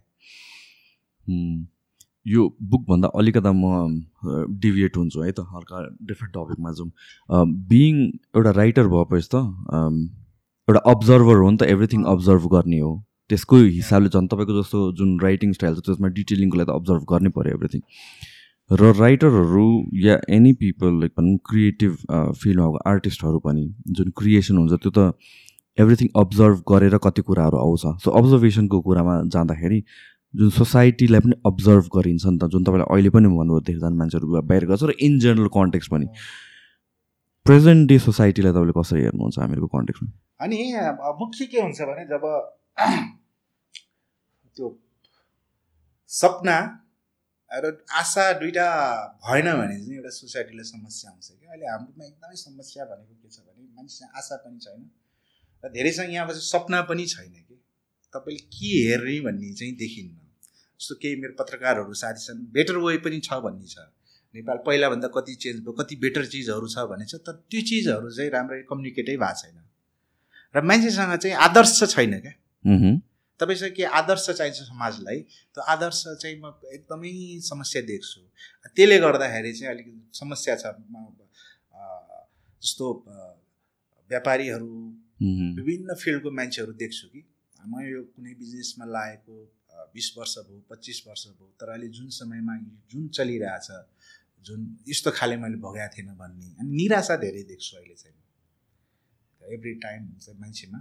त्यो निराशा र मेरो यति म अब चालिस भयो भने मलाई अब पन्ध्र बिस वर्ष अगाडिको खासै त्यो अर्कै थियो होला तर मैले बिस वर्ष यसो हेर्दाखेरि चाहिँ मान्छेमा त्यो खाले निराशा चाहिँ मैले पहिलोचोटि देखिरहेको छु जस्तो मलाई लाग्छ अनि त्यो मेन चाहिँ के हुन्छ नि अहिले मान्छेसँग आदर्श छैन के चिज हेर्ने भन्ने। एउटा पोइन्ट छैन क्या त्यो। गोल भन्छ नि त्यो नभएपछि समस्या हुन्छ जस्तो लाग्छ अनि त्यो हुनु पनि पर्छ जस्तो मलाई लाग्छ है. एज अ सिभिलियन पनि भनौँ न एउटा। यो नेसनको सिटिजन भएको हिसाबले पनि तपाईँले हेर्दा लाइक फ्युचर कतिको होपफुल छ तपाईँलाई इन जेनरल अब हिस्ट्रीहरू हेर्ने भने चाहिँ यस्तो खाले समस्याहरू सबै उसमा हुन्छ। अनि समस्याबाट नै सायद कहिलेकाहीँ एउटा लेभलमा डाउन गइसकेपछि कन्ट्री एउटा देश यस्तो डाउन जान्छ त्यसपछि त्यो राइज हुने हो। अब सायद अरू इतिहास हेर्दाखेरि त्यस्तो हुन्छ कि भन्ने पनि हो। तर जस्तो पहिला विदेशमा बस्ने कति हुनुहुन्छ नि? अनि उहाँ चाहिँ कुनै कुरा हुँदाखेरि भन्नुहुन्थ्यो कि कहीँ यस्तो छ भने एउटा घर यस्तो क्याफे स्याफे खोल्न मिल्ने यसो हेरिदिनु न। म आउने हो त्यहाँ। म त्यहाँ आउँछु रेस्टुरेन्ट गर्छु बुकहरू राख्छु कफी राख्छु। अनि आनन्दले बस्ने त्यस्तो छ भन्ने मान्छे अब छैन अहिले कोही आउने कुरै गर्दैन. मलाई लाग्छ अब चुनावपछि चाहिँ केही हुन्छ कि जस्तो लाग्छ। यो चुनाव चाहिँ एकदमै महत्त्वपूर्ण हुन्छ जस्तो मलाई लाग्छ। अब त्यो फेरि त्यो इन्डियासँग जोडिन्छ। अब इन्डियाको चुनाव के हुन्छ त्यसपछि यता के हुन्छ जस्तो मलाई लाग्छ र यो दुइटै देशमा चाहिँ चेन्ज चाहिएको छ अहिले. एज अ राइटर सक्सेस कसरी डिफाइन गर्ने? किनभने सक्सेस भने सब्जेक्टिभ हो। यो त। क्रिएटिभ कुरा हो. कलेज कलेज जज गर्ने। यो भने राम्रो यो भने अब नराम्रो के भयो भनेर। सक्सेस गर्नलाई अब दुई दुईवटा अब व्यवहारिक रूपमा सामान्य हेर्दाखेरि दुईवटा सक्सेस कि तपाईँले ठुल्ठुलो अवार्डहरू पाउनुभयो। एउटा सक्सेसको मान त्यो भयो। कि त तपाईँले अब तपाईँले कतिवटा कति ब्याङ्क ब्यालेन्स बनाउनु भयो लेखेर। ती दुईवटा हुन्छ फेरि हाम्रोमा हेर्ने ती चिजहरू छ। त्यो बाहेक चाहिँ अर्को चाहिँ तपाईँ कहाँ हुनुहुन्थ्यो? एज अ लेखकको रूपमा कहाँ पुग्नुभयो भने? जस्तो मेरो कसरी गर्छु भने नेपाली भाषामा लेख्ने मान्छे। होइन? जस्तो एज अ लेखक भएर मलाई के बेनिफिट भयो? भन्दाखेरि म यस्तो हेर्छु। मैले देश विदेशहरू धेरै गरेँ यात्रा। एज अ राइटरको रूपमा त्यो पनि एउटा सम्मानजनक रूपमा जस्तो दुई हजार उन्नाइसमा इन्टरनेसनल राइटिङ प्रोग्राम भन्छ अमेरिकामा। त्यो संसारको सबभन्दा श्रेष्ठ राइटिङ हो। संसारभरिबाट बिस तिसजना मात्रै छान्छ एभ्री इयर त्यहाँ गएँ। त्यहाँ गएपछि भयो कि हामी सत्ताइस देशको लेखकहरू थियौँ। अब मलाई काउन्ट गरेँ छब्बिसको छौँ छब्बिस मध्ये मैले दुई तिनवटा देशको नाम पनि सुनेको थिइनँ। भनेपछि अब ती व्यक्तिहरूसँग मैले तिन महिनासम्म हामीले इन्फर्मेसनहरू गऱ्यौँ अर्काको रचनाहरू सुन्यौँ के गऱ्यौँ अनि हामीले टाइम बितायौँ। त्यसले के भने मैले फर्स्ट ह्यान्ड इन्फर्मेसन धेरै पाएँ। तर मसँग धेरै पैसा हुन्थ्यो र अमेरिका गएर म यसरी छब्बिसजनासँग तिन महिना बस्छु भनेपछि मसँग पैसा भएर पनि सम्भव हुँदैन। त्यो एक त त्यो डिफ्रेन्ट कन्ट्रीको साथीहरू बनाइयो। त्यो भयो भने यो चाहिँ फेरि के भन्छ नि केहीले नपाउने चिज चाहिँ लेखनबाट आयो। अब यो पनि अब तपाईँ त्यता जोड्नु पऱ्यो तपाईँ जीवनको कमाइ के त लेखकको भने यो पनि कमाइमा जोडिन्छ जस्तो मलाई लाग्छ। र तपाईँ केमा खुसी हुनुहुन्छ भन्ने चिज हो। तर सक्सेसको त तपाईँको त्यसको त उनै दायरै छैन। तपाईँ एउटा सानो पुरस्कार पाउनु होला त्यस अलि ठुलो अलि ठुलो हुँदा हुँदै गएर मान्छे नोबेल प्राइजसम्म ताक्ने होला। नोबेल प्राइज पाएर पनि धेरै खुसी देख्दिनँ फेरि। कति राइटर त बहिष्कार पनि गर्छन् गर्छन् भनेको। मेन चाहिँ राइट क्रिएटिभ पर्सनको के हुन्छ भने यहाँ पुगेपछि मेरो त्यो सक्से यहाँ पुगेपछि मेरो पुरा हुन्छ भन्ने नै नहुने रहेछ। त कस्तो रहेछ भने तपाईँ जीवनभरि नै राइटिङ चिज भनेको जस्तो स्ट्रगल रहेछ क्या। त्यो आर्थिक रूपमा होइन कि मानसिक रूपमा एउटा राइटरले जीवनभरि स्ट्रगल गरिरहेछ एउटा बुक लेख्छ त्यो बुक पछि उसलाई फेरि छटपेट हुन्छ अर्को लेख्छ र एउटा समयपछि के हुँदै जान्छ भने त्यो राइटर पुरानो हुँदै जान्छ। त्यसको स्टाइल पुरानो हुँदै जान्छ उसको शैली पुरानो हुँदै जान्छ अनि रिडरहरूलाई पनि त्यो खालि मन पर्न सक्छ। तर त्यो राइटर भिडिरहेछ भिडिरहेछ भिडिरहेछ त्यो त्यो भन्नाले त्यो नमर्दासम्म त्यो राइटरको स्ट्रगल हुन्छ जस्तो मलाई लाग्छ। तर फेरि आनन्द पनि त्यसमा हुन्छ। तर त्यो एउटा बेन्च मार्क चाहिँ हुँदैन। यो त क्रिएटिभ प्रोसेसमा। र अर्को कुराहरू भनेको त जर्नी पनि जर्नी मोर इम्पोर्टेन्ट हुन्छ जस्तो लाग्छ कि वान्स जे पनि कुरामा अब मलाई अब भनौँ मटेरियलिस्टिक कुरामै भनौँ भने एउटा केही कुरा किन्नु मन लाग्छ भनेपछि त्यो नआएसम्म चाहिँ छटपट्टि हुन्छ। तर वान्स पाइसकेपछि पाँच मिनटमै त्यसपछि हरायो त्यो कुरा। फेरि क्रिएटिभ उसमा के रहेछ भने त्यो जो क्रिएटिभ फिल्डमा लाग्ने क्रिएसन भने जुन पनि फिल्डको हुन्छ त्यसको के रहेछ भने एकदमै ध्यान दिनुपर्ने चिज के रहेछ भने तपाईँको निरन्तरता। जब तपाईँ तपाईँको कुनै चिज एउटा सक्सेस भयो यो भने त म बेटर गर्छु भने जब तपाईँ टाइम लिन थाल्नुहुन्छ बढी सिरियस हुनुहुन्छ त्यसले चाहिँ समस्या पार्दो रहेछ फेरि। समस्या पार्छ झन् बेटर लिएर आउँछु भन्ने त्यो कहिले आउँदैन बिग्रेर आउँछ। सो त्यो निरन्तर तपाईँ जुन फ्लोमा तपाईँ लेखिराख्नु भएको छ काम गरिरहनु त्योमा जाने। कहिले एक तपाईँको सिर्जना तल हुनसक्छ कहिले माथि हुनसक्छ कहिले के हुनसक्छ तर त्यो आफ्नो माइन्डमा आएका ती थटहरू क्लियर गर्दै जाने। माइन्डमा मैले दस वर्षमा एउटा चिज बोक्दै गएँ भनेपछि नयाँ चिज आउने ठाउँ हुँदैन। माइन्डमा के छ आइडिया त्यो लेखिदियो फेरि अर्को अर्को फ्रेसनेस फ्रेसनेस गर्दै गएपछि एउटा पोइन्टमा गएपछि के हुन्छ भने त तपाईँको मेरो दसवटा बिसवटा किताब भयो भने एउटा दुइटा झिक्ने रिडरहरूले यो चाहिँ राम्रो यसको अरू त होला भनेर। अनि तर कस्तो भने त्यो निरन्तरता एकदम जरुरी छ। कहिलेकाहीँ के हुन्छ भने म यत्रो टाइम लिएर म बेटर ल्याउँछु भन्दा भन्दै समय कहाँ पुग्छ तर तपाईँ एउटा थटमा बसिराख्नुहुन्छ। त्यो चाहिँ सबभन्दा डेन्जर मलाई लाग्छ कि म खतरा लिएर आउँछु भन्यो भने समस्या हुँदो रहेछ निरन्तर रूपमा बगिराख्नु पर्दो रहेछ। अनि त्यसले के प्रेसर नलिने कि? क्रिएटिभ उसमा प्रेसर लिएर कामै छैन त। प्रेसर लिने होइन। तपाईँ आफूलाई खोल्दै जाने हो।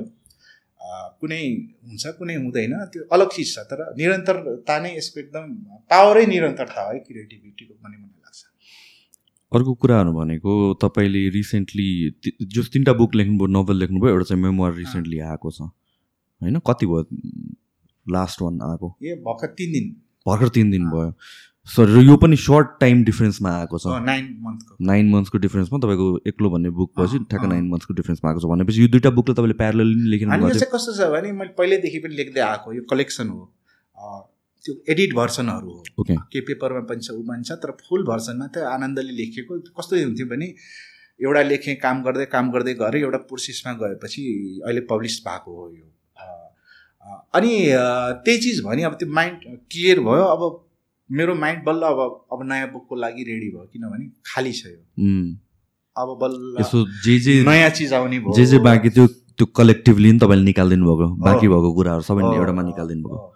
एकदम स्नान गरेर क्लिन फ्रेस छु कि भनेपछि अब बल्ल अब नयाँ आइडियाहरू आउने भयो। अनि त्यो आफूलाई क्लिन गर्दै लैजानु पर्ने रहेछ क्या। तर एउटा आइडिया गऱ्यो अनि कहिले काहीँ भन्छ त्यो आइडियामा गयो गयो गयो गयो पछि गएर लाग्छ कि हो यो आइडिया त भएन अनि यसले चाहिँ समस्या हुँदो रहेछ। म धेरै नजिकबाट नि केही व्यक्तिहरू देखेछु जो चाहिँ म एकदमै त्यो संसारमा एउटा क्रमै छ चाहिँ वान बुक वन्डर भन्छ क्या। एउटा बुक यस्तो पपुलर भयो कि त्यसपछि उसले अर्को लेख्नै सकेन। प्रेसरले कि। आर्टिस्टहरू पनि त्यस्तै हुन्छ। सिङ्गरहरू पनि। एउटा गीत पपुलर भयो त्यसपछि सक्दैन। त्यो त्यो किनभने उनीहरूले यति प्रेसरले हो कि अब त्यो हुँदा प्रेसरै लिनुहुन्न। तपाईँले एउटा गर्नुभयो एउटा पपुलर भयो अर्को भएन तर तपाईँले तपाईँ त फेरि कस्तो हुन्छ भने तपाईँ त तपाईँलाई चाहिँ आफूलाई आनन्द आउनु पऱ्यो त्यो प्रोसेस गर्दा। यो चिज ठिक छ। मैले गर्न खोजेको यो हो योमा भन्ने हुन्छ कुनै हुन्छ कुनै हुँदैन। तर कस्तो हुन्छ नि यसपछि म अर्को ल्याउँछु भनेर जब टाइम लिन थाल्यो गाह्रो हुन्छ है। सो त्यो त्यो हिसाबले त अब नेक्स्ट बुक तपाईँले फेरि लेख्न थाल्नुभयो होइन। यति समयमा म निकाल्छु भनेर हुन्छ कि हुँदैन त्यो? कि जति टाइम लाग्छ म फुल टाइम राइटर भएको अलमोस्ट पन्ध्र वर्ष भएछ कि?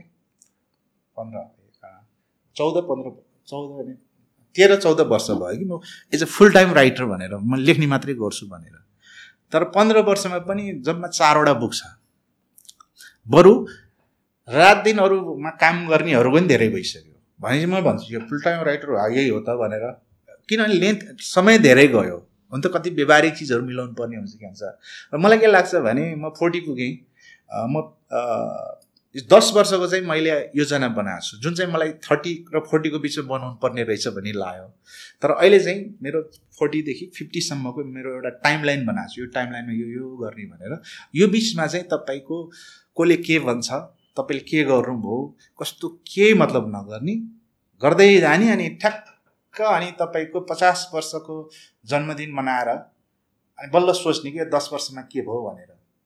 तर हुँदो के रहेछ भने हामी चाहिँ शीर्षकहरू एउटा सिर्जना गऱ्यो अनि त्यसमै लगाइराख्ने अब यो पुस्तक छापिन बजार बतासमा जाने हो कि यो? तपाईँले के गर्न सक्नुहुन्न छापिसकेपछि। एउटा सर्जकले हुन्छ नि तपाईँ अब त्यो सिनेमा हुन्छ आर्टका सबै उसमा एउटा सर्जकले त्यो चिज पब्लिक नहुँदासम्मै गर्ने हो। यो चिज नछापिँदासम्म नै गर्ने हो कि मैले यसमा के सक्छु? यो छापिसकेपछि त्यसपछि एज अ राइटर मेरो काम छैन। बजारमा गएको चिजलाई मैले केही गर्न सक्दिनँ भनेपछि म अर्कोतिर लाग्ने हो। यसरी अनि त्यो त्यो खालि आफ्नो योजनाहरू बनाएर काम गरिरहेको छु ओके सो एउटा लास्ट क्वेसन सोध्छु तपाईँलाई। यो जुन तपाईँले भन्नुभयो चालिसदेखि पचास वर्षको लागि तपाईँले प्लान एउटा बनाउनु भएको छ भिजन एउटा बनाउनु भएको छ। मान्छेको डिफ्रेन्ट फेज इन लाइफमा धेरै टाइम अनुसारले इम्पोर्टेन्ट के छ भन्ने कुराहरू चेन्ज हुँदै जान्छ। होइन? यो स्टेजमा आउँदाखेरि लाइफमा सबभन्दा इम्पोर्टेन्ट कुरा के रहेछ तपाईँको लागि एकदम इम्पोर्टेन्ट भनेको तपाईँको एउटा फ्यामिली त एकदमै इम्पोर्टेन्ट चिज हो जस्तो मलाई लाग्छ। अनि अर्को चाहिँ मैले यस्तो हेर्छु हेल्थ पनि इम्पोर्टेन्ट हो। मलाई रोग केही छैन तैपनि अहिले तपाईँ त डेली हिँड्नु आठ दस किलोमिटर। अनि हेल्थ हो जस्तो मलाई लाग्छ। र अर्को चाहिँ के रहेछ भने सबभन्दा मुख्य चिज के रहेछ भने त्यो आफ्नो खुसी चाहिँ अर्कोसँग अर्कोमा निर्भर नहुने। जस्तो अर्को व्यक्तिसँग नजोडिकन पनि खुसी हुन जान्नु नै एकदम बेस्ट चिज रहेछ जस्तो मलाई लाग्छ। किनभने अर्कोसँग जोडिएको खुसी लेख्ने एकचोटि दुःख पाइन्छ। भनेपछि तपाईँ सेल्फ एक्लोपनमा तपाईँ जब इन्जोय गर्न थाल्नुहुन्छ त्यो रहेछ र त्यो प्रोसेसमा जानुपर्छ जस्तो मलाई लाग्छ कि तपाईँ कोही नभए पनि तपाईँ इन्जोय गर्न सक्ने। यो चाहिँ अहिले मलाई त्यो लागेपछि यो चिज रहेछ भन्ने भयो। सो नेक्स्ट बुक यसैसँग रिलेटेड ट्रेजिक बुक छ हुन्छ हुन्छ जस्तो लाग्छ हुँदैन होला अब यस्तो छ अब जस्तो अब कडा पूजा आयो मेरो सायद एक दुई वर्ष फेरि फेरि पनि ट्रान्सलेसन आउँदैछ। एउटा दुइटा रेसिडेन्सीहरू छ बाहिर। अब चाहिँ जस्तो मेरो पर्सनल वेमा मसँग जोडिएका चिजहरू चाहिँ सालाखाला सकियो कि? म अलिक डिफ्रेन्ट खाले केही गरौँ कि भन्नेमा छु। अब so completely. Imaginative kind of things अलिकता के डिफ्रेन्ट। गरौँ कि भन्ने छ। अब थाहा छैन अब लेख्दै गएपछि के हुन्छ। यो फेरि यो यो बुक राइटिङ भने कस्तो हुन्छ नि एकजनाले भनेछ कि? त्यो एभ्री बुक चाहिँ कस्तो अरे भने तपाईँ मध्यरातमा गाह्रो छ। तपाईँ गाडीमा हुनुहुन्छ। अगाडि हेडलाइट छैन र तपाईँ ड्राइभ गरिराख्नु भएको छ क्या? अब त्यो त्यो त्यो अब कहाँ पुग्छ पुग्दैन बिचमा एक्सिडेन्ट हुन्छ कि के हो? एकदमै त्यो अँध्यारोमा बिना हेडलाइट गाडी चलाउनु जस्तो। अनि हामीलाई पनि यत्रो किताब लेख्दाखेरि पनि अन्तिमसम्म धर्मर धर्मर भइरहन्छ यो भयो यो भएन अथवा मैले सोचे जस्तो भयो भएन भन्ने भइरहन्छ। तर त्यो एउटा बुक चाहिँ रेडी नहुँदासम्म थाहा हुँदैन। तर बिचमा प्रोसेसहरू हुन्छ जस्तो कणाइ बुझेर फेरि फेरि बिचमा एउटा नोभेल लेखाएको थिएँ कि? त्यो मैले पछि पब्लिस गरिनँ। साठी सत्तरी हजारको त्यो अझै पनि छ मसँग। त्यो लेखेँ मैले र पाँच छ महिनापछि गर्दाखेरि त्यो चिज चित्त बुझेन। कम्प्लिट चाहिँ किनभने म सिङ्गल थिएँ। एउटा विवाहित पुरुषको अथवा यस्तो लेखेको थिएँ कि मैले त्यसपछि मैले धेरै बिहा भने धेरै समयपछि बिहा गरेँ। अहिले अहिले म प्रोसेसमा छु मेरो बच्चा छ ऊ छ। त्यस्तो एउटा व्यक्तिको लेखेको थिएँ। सायद त्यो बेला पब्लिस गरेको धेरैले कतिले प्रशंसा पनि गर्नुहुन्थ्यो होला के गर्थ्यो होला। तर त्यो यदि बुक पब्लिस गरेको मैले साह्रै त्यो के अरे फेक बुक पब्लिस गरे हुने रहेछ भन्ने अहिले फिल गर्दैछु किनभने अहिले त्यो क्यारेक्टर जुन इमेजिन गरेको थिएँ मैले त्यसको पुर त्यो ठाउँमा अहिले म छु हेर्दाखेरि चाहिँ मैले लेखेको चिजहरू सबै फेक रहेछ। कहिलेकाहीँ तपाईँलाई फिल हुन्छ मेरो चाहिँ मुख्य के भन्छ बुकमा चाहिँ मान्छेलाई कथा होस् उस सेकेन्डरी चिज हो तपाईँले लेखेको चिज अथेन्टिक हुनुपर्छ भन्ने हुन्छ कि अँ, त्यो सायद अथेन्टिक हुन्थेन होला। त्यो आइडियाहरू अर्को थियो। सायद त्यो आइडियामा अर्को के सोच्न सकियो। म त्यसरी हेर्छु। बुद्धिसागरजी धेरै धेरै धन्यवाद। एनिथिङ एट लास्ट के सेयर गर्नु मन छ भने? सघाउनुभन्दा अगाडि। त्यस्तो खासै केही छैन। सारा चिजहरू त आयो होला तर तपाईँको यो सोमा आएर पोडकास्टमा खुसी लाग्यो। मलाई चाहिँ जस्तो हाम्रो चाहिँ प्रायः कस्तो हुन्छ भने लिटरेरी फिल्डको यस्तो यस्तो हुन्छ। तर तपाईँसँग आएपछि एउटा डिफ्रेन्ट खाले क्वेसनहरू डिफ्रेन्ट गरेँ एकदम इन्जोय गरेँ मैले तपाईँको यो हामीले कति घन्टा बोल्यौँ कि कस्तो लाग्छ मलाई? पाउने दुई घन्टै बोल्छु पाउने दुई घन्टा। मलाई मलाई लाग्यो कि यति बोल्न सक्दो रहेछु। Thank you so much thank you so much for your time तपाईँलाई धेरै धेरै। Thank you